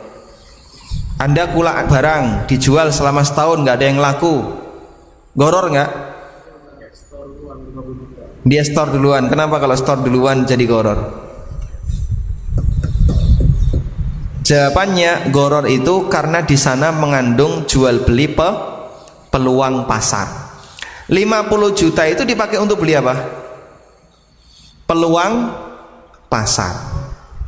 Itulah terjadi goror. Sehingga dia nyetor 50 juta untuk mendapatkan sesuatu yang nggak jelas. Apa yang kamu dapatkan? Ya saya punya hak untuk memasarkan. Pasti dapat konsumen nggak? Wallahu alam, belum tentu. Sehingga ketika itu terjadi, maka di situ ada goror. Mahum ya? Baik. Sistem MLM yang bermasalah adalah ketika orang daftar member suruh bayar. Sementara apa yang dia bayarkan itu tidak mendapatkan sesuatu yang signifikan senilai dengan yang dibayarkan. Misalnya ya, kamu kalau mau ikut dalam jaringan kami bayar 500 ribu. Nanti kami akan kasih fasilitas sebuah produk plus uh, starter kit. Isinya bimbingan marketing. Padahal produk dan starter kit ini nilainya berapa? Oh, paling cuman 200 ribu. Berarti yang 300 ribu itu adalah margin yang dibawa oleh siapa? Oleh siapa?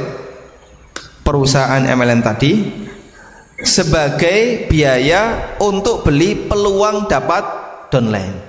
Dan Bapak kalau bisa mencari orang lain ikut gabung, nanti kamu saya kasih 10% atau 30% sehingga bayar 500 ribu itu dia mendapatkan 150 per orang.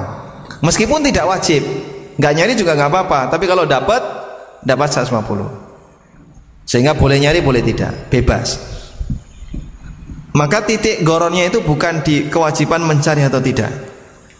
Titik goronnya adalah ketika dia daftar jadi member, dia bayar dengan nilai tertentu yang nilai itu tidak sepadan dengan apa yang dia dapatkan selain karena motivasi peluang pasar atau peluang dapat member. Mafhum insyaallah? Jelas atau belas? Jelas ya?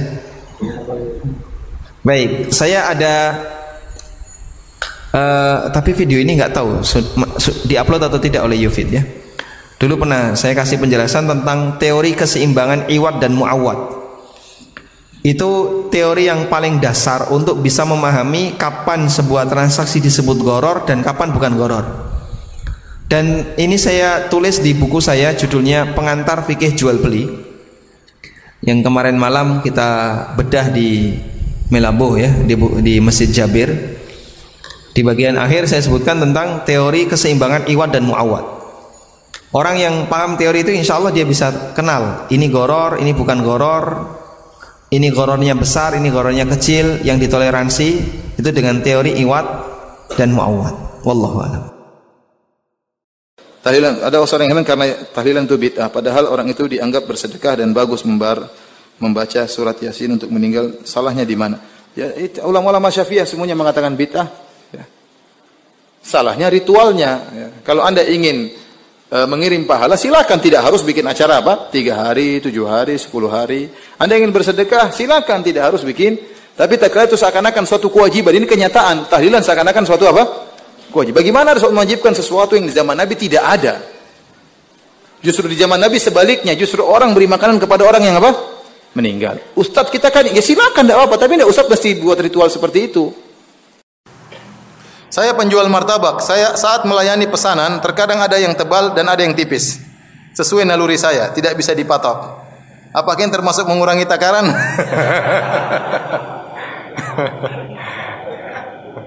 Enggak, kita kan berusaha. Martabak tidak bisa di ya, pokoknya nanti martabak modelnya begini ya.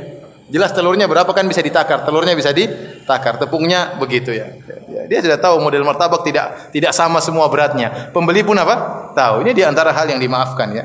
Karena tidak signifikan ya dia sudah berusaha sesuai dengan yang biasa tapi tidak mungkin gramnya semua semua sama ya telurnya pun tidak mungkin sama tiga bisa jadi ada yang besar ada yang apa kecil ya tapi tiga telur ya jelas misalnya Martabak berapa telur? Tiga telur, empat telur, jelas empat. Kalau nanti dijadikan tiga, itu ente dosa.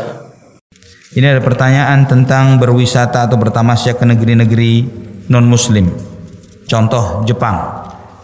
Dengan alasan bahwa pergi ke sana ikut dengan tour travel syar'i di mana tour travel tersebut mengajak ke tempat-tempat makan halal dan tidak meninggalkan sholat. Mohon penjelasan karena memang benar yang saya baca dari fatwa para ulama Syekh Muhammad bin Shalih Utsaimin dan yang lainnya hukum dasar berpergian ke negeri kafir adalah haram. Kecuali kondisi darurat. Kondisi daruratnya misalnya kalau kita berobat ya yang pengobatan itu tidak ada di negeri kita boleh kita ke negeri kafir. Atau menuntut ilmu yang ilmu itu tidak ada di negeri kita hanya ada di negeri kafir. Boleh kita ke sana. Dan itu pun diberikan batasan-batasan oleh para ulama yaitu jika kita bisa menyelamatkan diri kita dari fitnah yang menuntut ilmu di sana adalah mereka yang telah memiliki dasar-dasar akidah yang cukup tentang akidah Islam sehingga tidak ter terwarnai dengan apa yang ada di sana. Yang kenyataannya subhanallah yang ke negeri-negeri kafir mereka paling tidak kagum dengan apa yang ada pada diri mereka. Dan kekaguman terhadap orang kafir bagian dari kekalahan kaum muslimin bagian dari kekalahan umat Islam maka Nabi Shallallahu Alaihi Wasallam dan ketika seorang sudah mulai kagum maka dia akan mulai meniru dan mencontoh mereka. Dan Nabi SAW mengancam dengan ancaman yang sangat berat. Wa man tashabbaha biqaumin fahuwa minhum. Barang siapa yang menyerupai suatu kaum maka dia akan termasuk dari golongan mereka. Ustaz makanan dan minum-minuman yang haram yang sudah menjadi darah dan daging. Sedangkan kita sudah bertobat apakah masih akan dimakan api neraka? Mohon penjelasannya Ustaz. Haibati ini pertanyaan terakhir mungkin ya berkaitan dengan dosa yang kita lakukan baik itu minuman atau makanan haram. Mungkin orang pernah makan babi minum minuman keras. Apakah ketika taubat selesai urusannya? Kata Nabi alaihi salatu wasalam at-taib kaman la dzambalahu orang yang bertobat dari sebuah dosa seperti orang yang tidak punya dosa. Asalkan benar-benar tobat tapi ketika antum tobat pura-pura tobat sekarang tobat karena mafi fulus karena nggak ada fulus nanti kecil nanti tobatlah nanti wallahu alam apa katanya nanti lah Jangan antum bertekad untuk tidak mengulangi. Itu syarat diterimanya taubat, bertekad untuk tidak mengulangi. Hadza wallahu a'lam Ada orang masuk ke pemancingan. Ada orang masuk ke pemancingan. Pak, bayar 100. Bayar 100 ribu. Nanti jenengan saya kasih kesempatan untuk mancing selama satu jam. Entuk rentuk iwa bel berbunyi bubar. Begitu ya? Boleh nggak seperti ini? Boleh nggak? Hukumnya? Nggak boleh. Kenapa nggak boleh? Bayar 100 ini dapat apa? Ikan belum tentu dapat. Kadang wong mancing kan sabar banget ya. Suwengi ra entuk iwak ya seneng ae kan. Jadi hadirin yang dimakan Allah Subhanahu wa taala, transaksi seperti ini disebut goror karena nggak jelas dia bayar 100 ribu dapat apa nggak jelas. Ikan juga tidak, bukan ikan. Kesempatan mancing juga harganya tidak senilai. Makanya jual beli seperti ini dilarang oleh para ulama karena dia menjual peluang. Menjual peluang. Dan peluang itu enggak pasti. Ustadz, Anda punya usaha yang tempat parkirnya ada di trotoar dan jalan aspal umum. Apa ini saya termasuk memakan tanah orang Ustaz dan apa nanti akan dikalungin dengan tujuh lapis bumi Ustaz ya yang pertama dia tidak memilikinya. Dia sedang memanfaatkannya saja. Tapi lihat kalau ternyata itu hak orang berjalan yang kau tempatin seperti pedagang kaki lima. Pedagang kaki lima kan kadangkala dia mengambil hak orang berjalan. Dan di Jakarta sempat terjadi keributan. Tatkala para pejalan kaki menuntut hak mereka itu motor di Jakarta zaman udah jalan di trotoar. Jadi orang yang jalan kaki merasa risih dengan mereka dan itu kezaliman. Kau kalau melihat seperti itu kau boleh mendoakan. Boleh boleh Ustaz mudah-mudahan tabrakan orang. Boleh boleh kalau kita bicara boleh saya punya tetangga yang sering meminjam kepada saya untuk membayar utang ribawi Masalahnya hal ini sudah berlangsung bertahun-tahun. Bagaimana hukumnya?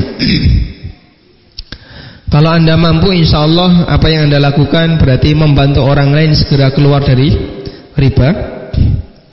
Yang kedua anda bisa mendapatkan pahala dari ngutangi orang lain. Dan memberikan utang kepada orang lain itu pahalanya sama dengan sedekah. Dan itu nilai yang luar biasa.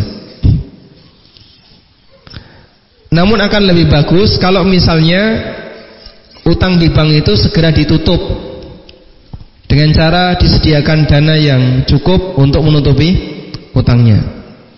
Nah ini bisa melalui kerjasama, Anda tidak bisa sendirian. Yang dulu kita sampaikan di forum ini agar dibuat sebuah komunitas mengumpulkan potensi dana umat, dana masyarakat, lalu bisa dipakai untuk nutupi mereka yang punya masalah di bank, insya Allah bisa dijadikan sebagai solusi. Dan alhamdulillah ini di Jogja sangat membantu. Ada banyak sekali kaum muslimin yang bisa terselamatkan dari riba di bank dengan cara seperti ini. Dan ternyata tidak hanya orang-orang yang ekonominya rendah. Bahkan ada pengusaha istrinya seorang dosen UGM itu punya masalah utang dengan bank dan itu sudah bertahun-tahun. Alhamdulillah dengan kerjasama yang kita lakukan ada banyak ex-bank yang membantu, kemudian dana yang terkumpul dari masyarakat kita bisa menyelamatkan beberapa uh, kawan yang terlibat utang di bank. Kalau ada orang tukar 100 ribu dengan 100 ribu uang kertas dengan 100 ribu recehan harus sama. Karena uang itu dikiaskan ke emas. Harus sama dan harus kontan. Tidak boleh ditunda. Makanya tidak ada jual beli emas yang syar'i kalau online. Kalau online ya tidak bisa syar'i karena tidak bisa menerima emas. Apa ada dikirim ke keluar dari layarnya emas. Kecuali kalau COD emasnya datang baru akadnya ketika itu. Tidak ada masalah kalau seperti itu. Tapi kalau ya nanti dikirim maka ini tidak tidak boleh. Apakah rokok itu haram dan maksiat? Ya rokok haram. Dan sepakat para ulama tentang haramnya rokok. Haram dan gak ada kebaikan bagi rokok. Yang bilang bahwa rokok itu baik manfaat, ya tukang rokok. Rokok gak ada manfaatnya. Gak ada manfaat sama sekali. Bahwa itu termasuk khaba'ith yang jelek. Kan Nabi Muhammad SAW diutus oleh Allah untuk menghalalkan yang baik, mengharamkan yang jelek. Allah berfirman dalam surah Al-A'raf, "Yuhillu lahum at-tayyibat wa yuharrimu 'alaihim khaba'ith." Bahwa Nabi datang itu untuk menghalalkan semua yang baik-baik dan mengharamkan semua yang jelek. Rokok jelek. Enggak ada yang bilang rokok itu baik. Hatta orang kafir. Hatta orang kafir. Maka orang kafir juga melarang tentang tentang rokok. Pemberi utang tidak halal menggunakan barang gadaian dalam tidak kondisi halal hukum. menggunakan barang gadaian. Dia pinjam meminjamkan uang 5 juta digadaikan motor. Hah? Boleh atau tidak pemberi pinjaman tadi pakai motor tadi? Tidak boleh. Terus apa kata beliau lagi? Sekalipun pemilik barang gadaian mengizinkannya. Sekalipun pemilik motor yang pinjam tadi mengatakan demi Allah saya ikhlas. Hah? Pakai aja lah. Baik. Tetap riba. Ah. Terus? Karena ini adalah riba. Karena ini adalah riba. Karena riba walaupun dua-duanya ikhlas sama-sama redo tidak menjadikan akad riba menjadi halal, tetap dia haram. Paham Anda ini? Di mana penerima pinjaman membayar utang penuh dan keuntungan menggunakan barang gadaian adalah sebagai tambahan utang. Ini jelas riba. Barakallahu fiik Ustaz. Wafik barakallah. Eh, saya pernah ngobrol dengan eh, seorang pegawai di bank syariah yang eh, sudah bank bank ini katanya sudah lebih syariah dibanding bank syariah yang lain. Terkait dengan eh, KPR rumah Ustaz. Iya. Namun ada hal yang eh, saya kurang serak di situ masalah DP. Mungkin bagusnya diceritakan pas tadi sore ya. Tapi Iya, iya. masalah DP eh, memang katanya eh, saya tanya sistemnya apakah eh, dijual dulu, mereka beli dulu rumah tersebut baru dijual ke kita atau tidak? Katanya iya. Tetapi dia mempersyaratkan DP yang harus kita transfer terlebih dahulu sebelum ada akad itu. Nah, bagaimana eh, posisi DP itu Ustaz apakah diperbolehkan dan misalkan itu DP yang diperbolehkan itu seperti apa dalam hal akad akad eh, jual beli tersebut? Jazakallahu khair. Tadi malam secara khusus kita sudah berbicara tentang masalah hal haram DP ya. Kita kupas tadi malam panjang lebar secara umum sudah kita sampaikan oleh kita. Jadi wallahu alam keluarga sekalian untuk barang yang belum ready untuk barang yang belum ada untuk barang-barang ribawi. Ya maka tidak boleh ada DP di situ. Ya tidak boleh ada DP di situ. Ya nah berkaitan dengan KPR jadi skema yang benar itu adalah kita datang ke bank syariah namanya. Ya mudah nanti ke depan betul-betul syar'i kita datang kita mengajukan permohonan. Saya ya ingin beli rumah ini ya, mengajukan ke syariah ke bank ini untuk membelikan. Terlebih dahulu nanti kita berjanji untuk membelinya kepada bank. Nah setelah kita di ACC satu calon nasabah di bank ini maka skema yang benar selanjutnya bank itu terlebih dahulu membeli rumah yang kita inginin katakan di komplek ini gang ini seharga sekian. Nah setelah bank memiliki rumah itu secara utuh apakah dia beli dengan cara DP juga? Karena rumahnya ada tidak ada masalah. Dia beli dengan cara berhutang tidak ada masalah. Itu urusan dia dengan pemilik rumah. Nah setelah rumah betul secara tamlik kepemilikan itu milik bank baru ditransaksikan kepada kita. Ini yang benar dan ini yang sahih dan syar'i. Nah hari ini tidak seperti itu. Karena bank tidak ingin menanggung kerugian maka terlebih dahulu biasanya bank meminta mengikat kita dengan cara-cara tertentu. Ya apakah tadi kita diminta bayar DP terlebih dahulu 20% misalnya dari angka 80 dari angka 100% nah maka apabila itu terjadi hakikatnya ya kalau itu rumah belum dibeli oleh bank nanti anda bayar 20 20% kepada kami 80 persennya kami akan berikan kepada anda. Ini duitnya anda bayarkan. Ini statusnya tidak lagi syar'i ini adalah hutang piutang. Ini tidak boleh. Ini hukumnya haram. Walaupun oleh versi ya tertentu ini disebut dengan wakalah bil ujrah. Jadi ya bank mewakilkan kepada anda untuk membeli rumah. Ini kan sebenarnya rekayasa semata. Ini rekayasa. Kita tidak terjebak di sini Walaupun kita katakan ada fatwa-fatwa seperti itu yang membolehkan wakalah bil ujrah seperti ini, tapi pendapat yang roji, pendapat yang kuat yang menjadi ijma para ulama bahwa itu tidak boleh.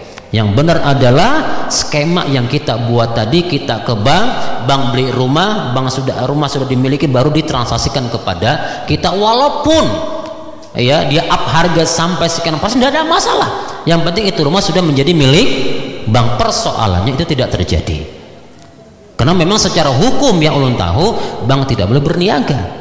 Maka yang ada tetap namanya apa? Pembiayaan. Tetapnya adalah pembiayaan namanya. Ya dan pembiayaan di sini sama dengan adalah hutang hutang piutang. Jadi nanti coba hubungan dengan kawan-kawan di as apsi ya. Nanti ada kawan-kawan di sini Pak Roy nanti coba hubungan. Mudahan nanti kawan-kawan bisa mendapatkan rumah betul-betul syar'i. Ya ini kita support betul kawan-kawan di APSI ini asosiasi properti syariah Indonesia ya yang sudah ada di Kalsel sudah dikukuhkan kemarin di Jogja oleh ustaz-ustaz kita. Dan nanti bisa betul-betul eksis dan bisa menjadi solusi bagi kita semua. Ya doakan ya dan kita bisa nanti apa namanya mendapatkan rumah dengan cara ya betul-betul syar'i. Dan mudah hati harganya terjangkau dan juga bisa panjang waktu cicilannya tukar tambah emas itu tidak boleh. Emas yang lama kemudian diganti dengan emas yang baru kemudian ada tambahan uang. Ini tidak boleh. Karena sudah tadi disebutkan ini komoditi riba. Kalau emas dengan emas ya maka harus sama dan kontan. Harus sama dan kontan kalau emas dan perak harus kontan tapi tidak harus sama kadarnya. Ya. Tapi kalau emas dengan uang emas dengan uang bagaimana? Kadarnya boleh berbeda. Tapi harus kontan. Kalau emas dengan gantung bagaimana? Hah? Kapan saat wanita melakukan sholat duhur di hari Jumat? Afdolnya apakah setelah azan atau habis sholat Jumat? Tentu setelah azan. Ulama sepakat mengatakan tidak harus menunggu selesai khutbah. Boleh setelah azan duhur perempuan sudah boleh sholat uh, azan Jumat sudah perempuan sudah boleh sholat duhur. Bagaimana cara menyampaikan kepada orang tua perihal khurafat itu tidak boleh. Seperti istri saya sedang hamil, orang tua menyuruh menggunakan peniti dan panglai untuk mengusir setan. Mohon penjelasan. Iya, berikan penjelasan bahwa itu bukan dari ajaran Islam. Kalau itu dari ajaran Islam, pasti ada ayatnya atau hadisnya. Oh itu mah apa uh, wasiat nenek moyang kita terdahulu. Kita jawab, nenek moyang kita itu bukan nabi. Bukan juga yang menentukan kehidupan dan kematian, madarat atau masalah. Allah dan Rasulnya gitu Pak. Bilang saja. Melaksanakan itu bisa berdosa karena meyakini apa yang tidak dijelaskan dalam Quran dan Sunnah. Dan tidak ada alasan akalnya kenapa panglai dan apa tadi peniti ditakuti oleh setan. Padahal di zaman Nabi nggak ada penitinya. Bagaimana setan bisa takut? Taib, pertanyaan, Ustadz, apakah dosa-dosa yang dilakukan oleh orang tua kita dapat berpengaruh terhadap keberkahan hidup anaknya? Uh, sebenarnya uh, anaknya tidak menanggung dosa. Anaknya tidak menanggung dosa. Jika orang ternyata orang tua misalnya makan riba, hasil rampokan, anaknya tidak akan menanggung dosa. Ya. Tetapi terkadang Allah memberi hukuman kepada orang tuanya melalui anaknya. Anaknya dikasih sakit oleh Allah Subhanahu wa taala, tidak menanggung dosa sama sekali. Ya, kalau anaknya yang dapat sakit akan meninggikan derajatnya, tetapi bagi ayahnya itu adalah hukuman bagi apa? Bagi ayahnya. Ya. Dan bisa jadi dampak itu ada, bisa jadi dampak itu ada, tapi saya katakan tadi bahwasanya sang anak tidak menanggung dosa perbuatan apa? Ayahnya.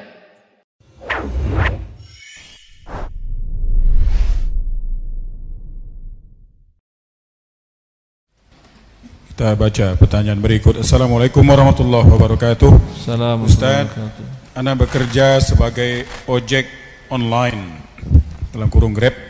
Apakah pekerjaan Anda sebagai ojek online itu haram Ustaz? Kemudian mohon penjelasannya dan apa saja yang diharamkan dalam ojek online Ustaz. Jazakallahu khairan. Allah Kalau sekedar Anda membawa orang dan menggunakan aplikasi untuk mendapatkan jasa transportasi atau jasa mengantarkan seseorang ke sebuah tempat yang halal. Hukum asalnya halal dan jangan pernah tawarkan kepada orang yang memberi jasa Anda untuk meneri, untuk mengatakan top up saldonya. Karena ini akadnya di antara dia dengan pihak uh, perusahaan dompet virtualnya adalah akad yang mengandung unsur riba di mana pihak perusahaan dompet virtual tadi memberikan potongan kepada setiap orang yang menggunakan jasa mereka yang sebelumnya mereka deposit uang. Ini adalah kebalikan dari bunga di bank konvensional. Di bank konvensional orang yang menaruh uang di bank deposit mendapatkan uang bunga hukumnya ijma riba. Ini bagi yang deposit uang dapat manfaat dalam bentuk jasa. Jasa dalam bentuk jasa yang diberikan cuma-cuma gratis dipotong sekian persen. Maka ini juga mengandung unsur riba. Wallahu taala alam. Ya, Assalamualaikum warahmatullahi wabarakatuh. Uh, pertanyaannya apakah GoPay termasuk dalam riba karena kita harus top up seperti pulsa namun mendapatkan diskon. Kemudian bagaimana hukumnya untuk uh, uang elektronik seperti e-money yang kartu flash dan sebagainya? Syukran. Allah barik Ini sempat ramai ya di medsos kan ya. Masya Allah. Dan sudah saya jelaskan rinciannya di buku Harta Haram Amal Kontemporer cetakan ke-15 tentang hal ini. Permasalahannya bukan gopenya haram, imani haram tidak. Tapi bila ada tindakan dari salah satu pihak yang melanggar syariat Allah ketika itu ini menjadi haram transaksinya jelas itu Hah? bukan ATM haram kartu kredit haram tidak tapi ketika ada persyaratan-persyaratan dalam kartu itu yang melanggar syariat Allah maka dalam transaksi itu menjadi haram. Bila tidak mungkin dipisahkan sama sekali pasti akan ada berarti haram dia sama sekali. Mutlak haram. Paham ini? Kembali kita ke permasalahan GoPay. Ya. GoPay tadi kan anda deposit uang. Ya atau tidak deposit uang ini artinya apa? Akadnya apa? Meminjamkan bukan beli jasa dia. Karena belum ada transaksi jasa. Baru ngirimkan uang. Ketika masuk ke rekening perusahaan GoPay tadi sudah bisa nggak dia gunakan uangnya? Itu dia akad pinjaman bukan akad jual beli jasa. Kalau jual beli jasa seperti pulsa tidak deposit namanya langsung dibayar pulsa.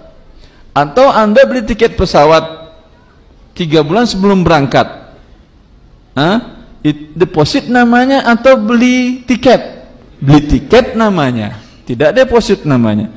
Bisakah anda minta program deposit ke salah satu penerbangan maskapai penerbangan di Indonesia? Umpamanya maskapai yang terkenal Garuda.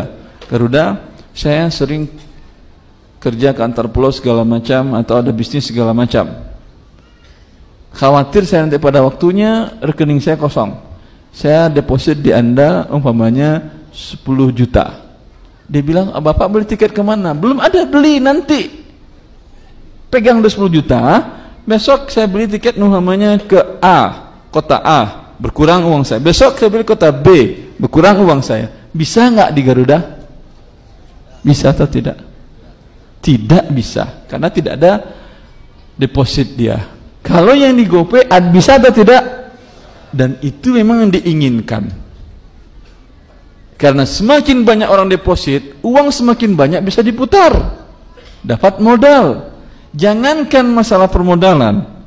Masuk saja uang ke rekening dia, kalaulah di bank riba ataupun di bank syariah, ada nggak bagi hasil ada pertambahan? Ada atau tidak? Ada.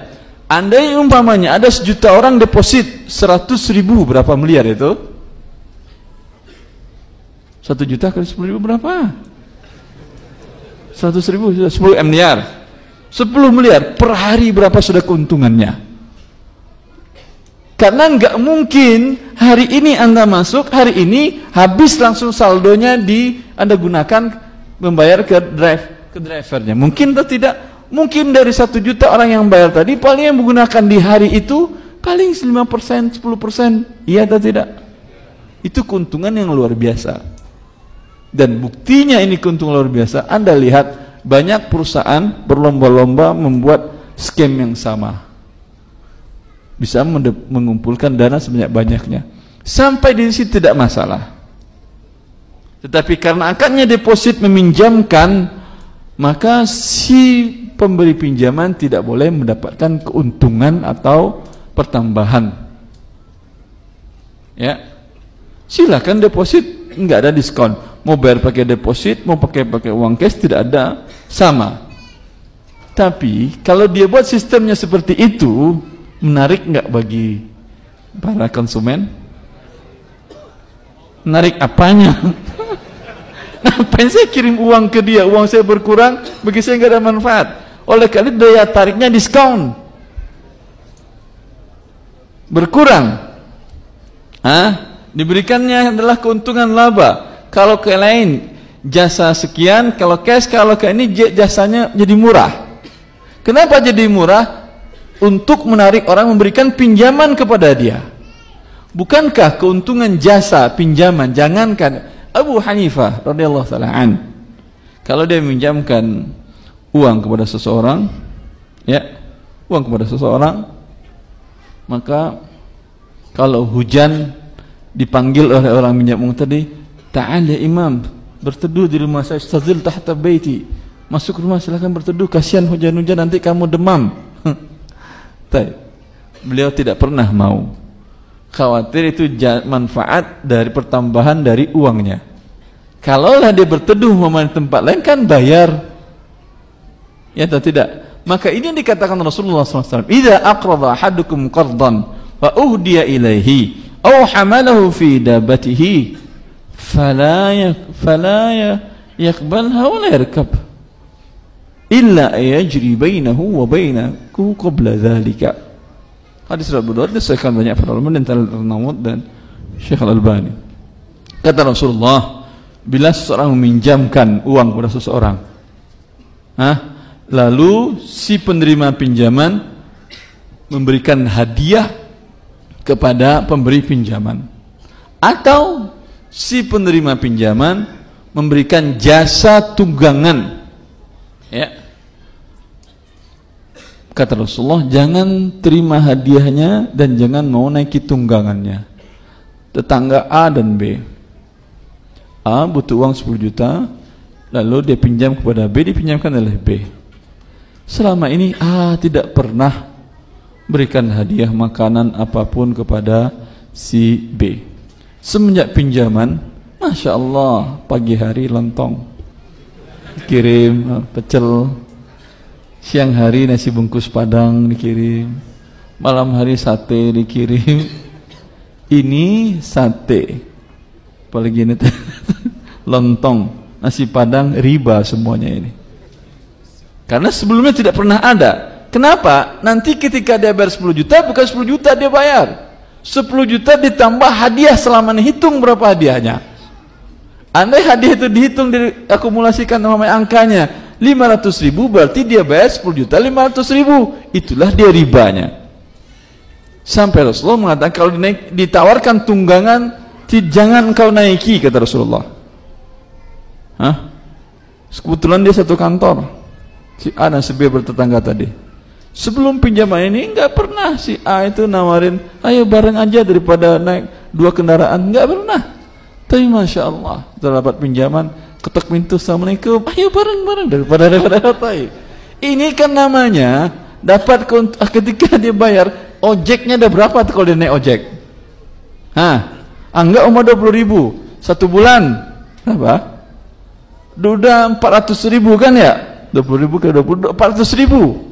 Sampai dia mengembalikan nanti bukan 10 juta lagi. Kalau sebulan 10 juta 400 ribu. Kalau 2 bulan 10 juta 800 ribu. Teruskan pertambahannya. Kecuali ini sudah sering terjadi kata Rasulullah. Illa ajri bainahu wa bainahu qabla dhalika. Sebelum pinjaman ini tetangga berdua ini Masya Allah. Satu kantor sering ketemu Assalamualaikum. Ayo be bareng. Pada dua-dua mobil pada dua kendaraan begitu juga kadang ada hadiah beri makanan beri segala macam ketika ada pinjaman tetap berjalan ini bukan karena pinjaman dan bukan riba namanya Emang hadiah. Paham ini? Untuk GoPay tadi gimana? Pernah ada dapat diskon? Tanpa deposit tadi. Pernah? Tidak ada. Maka ini adalah riba. Begitu juga ketika Anda bayar dengan kartu umpamanya salah satu toko retail kan Anda mengeluarkan kartu A, kartu B, bayar deposit uang di situ ada kan ya? Ada nggak penawaran mereka ketika Anda membeli barang mereka, Pak mau bayar cash atau pakai kartu? Kalau pakai kartu imani ada diskon. Pernah nggak? Sama nggak ada bedanya. Sama ribanya. Ketika Anda cash pakai uang, hah? harganya biasa 100 ribu. Ketika Anda pakai kartu yang meminjamkan uang kepada dia sebelumnya harga 90 ribu.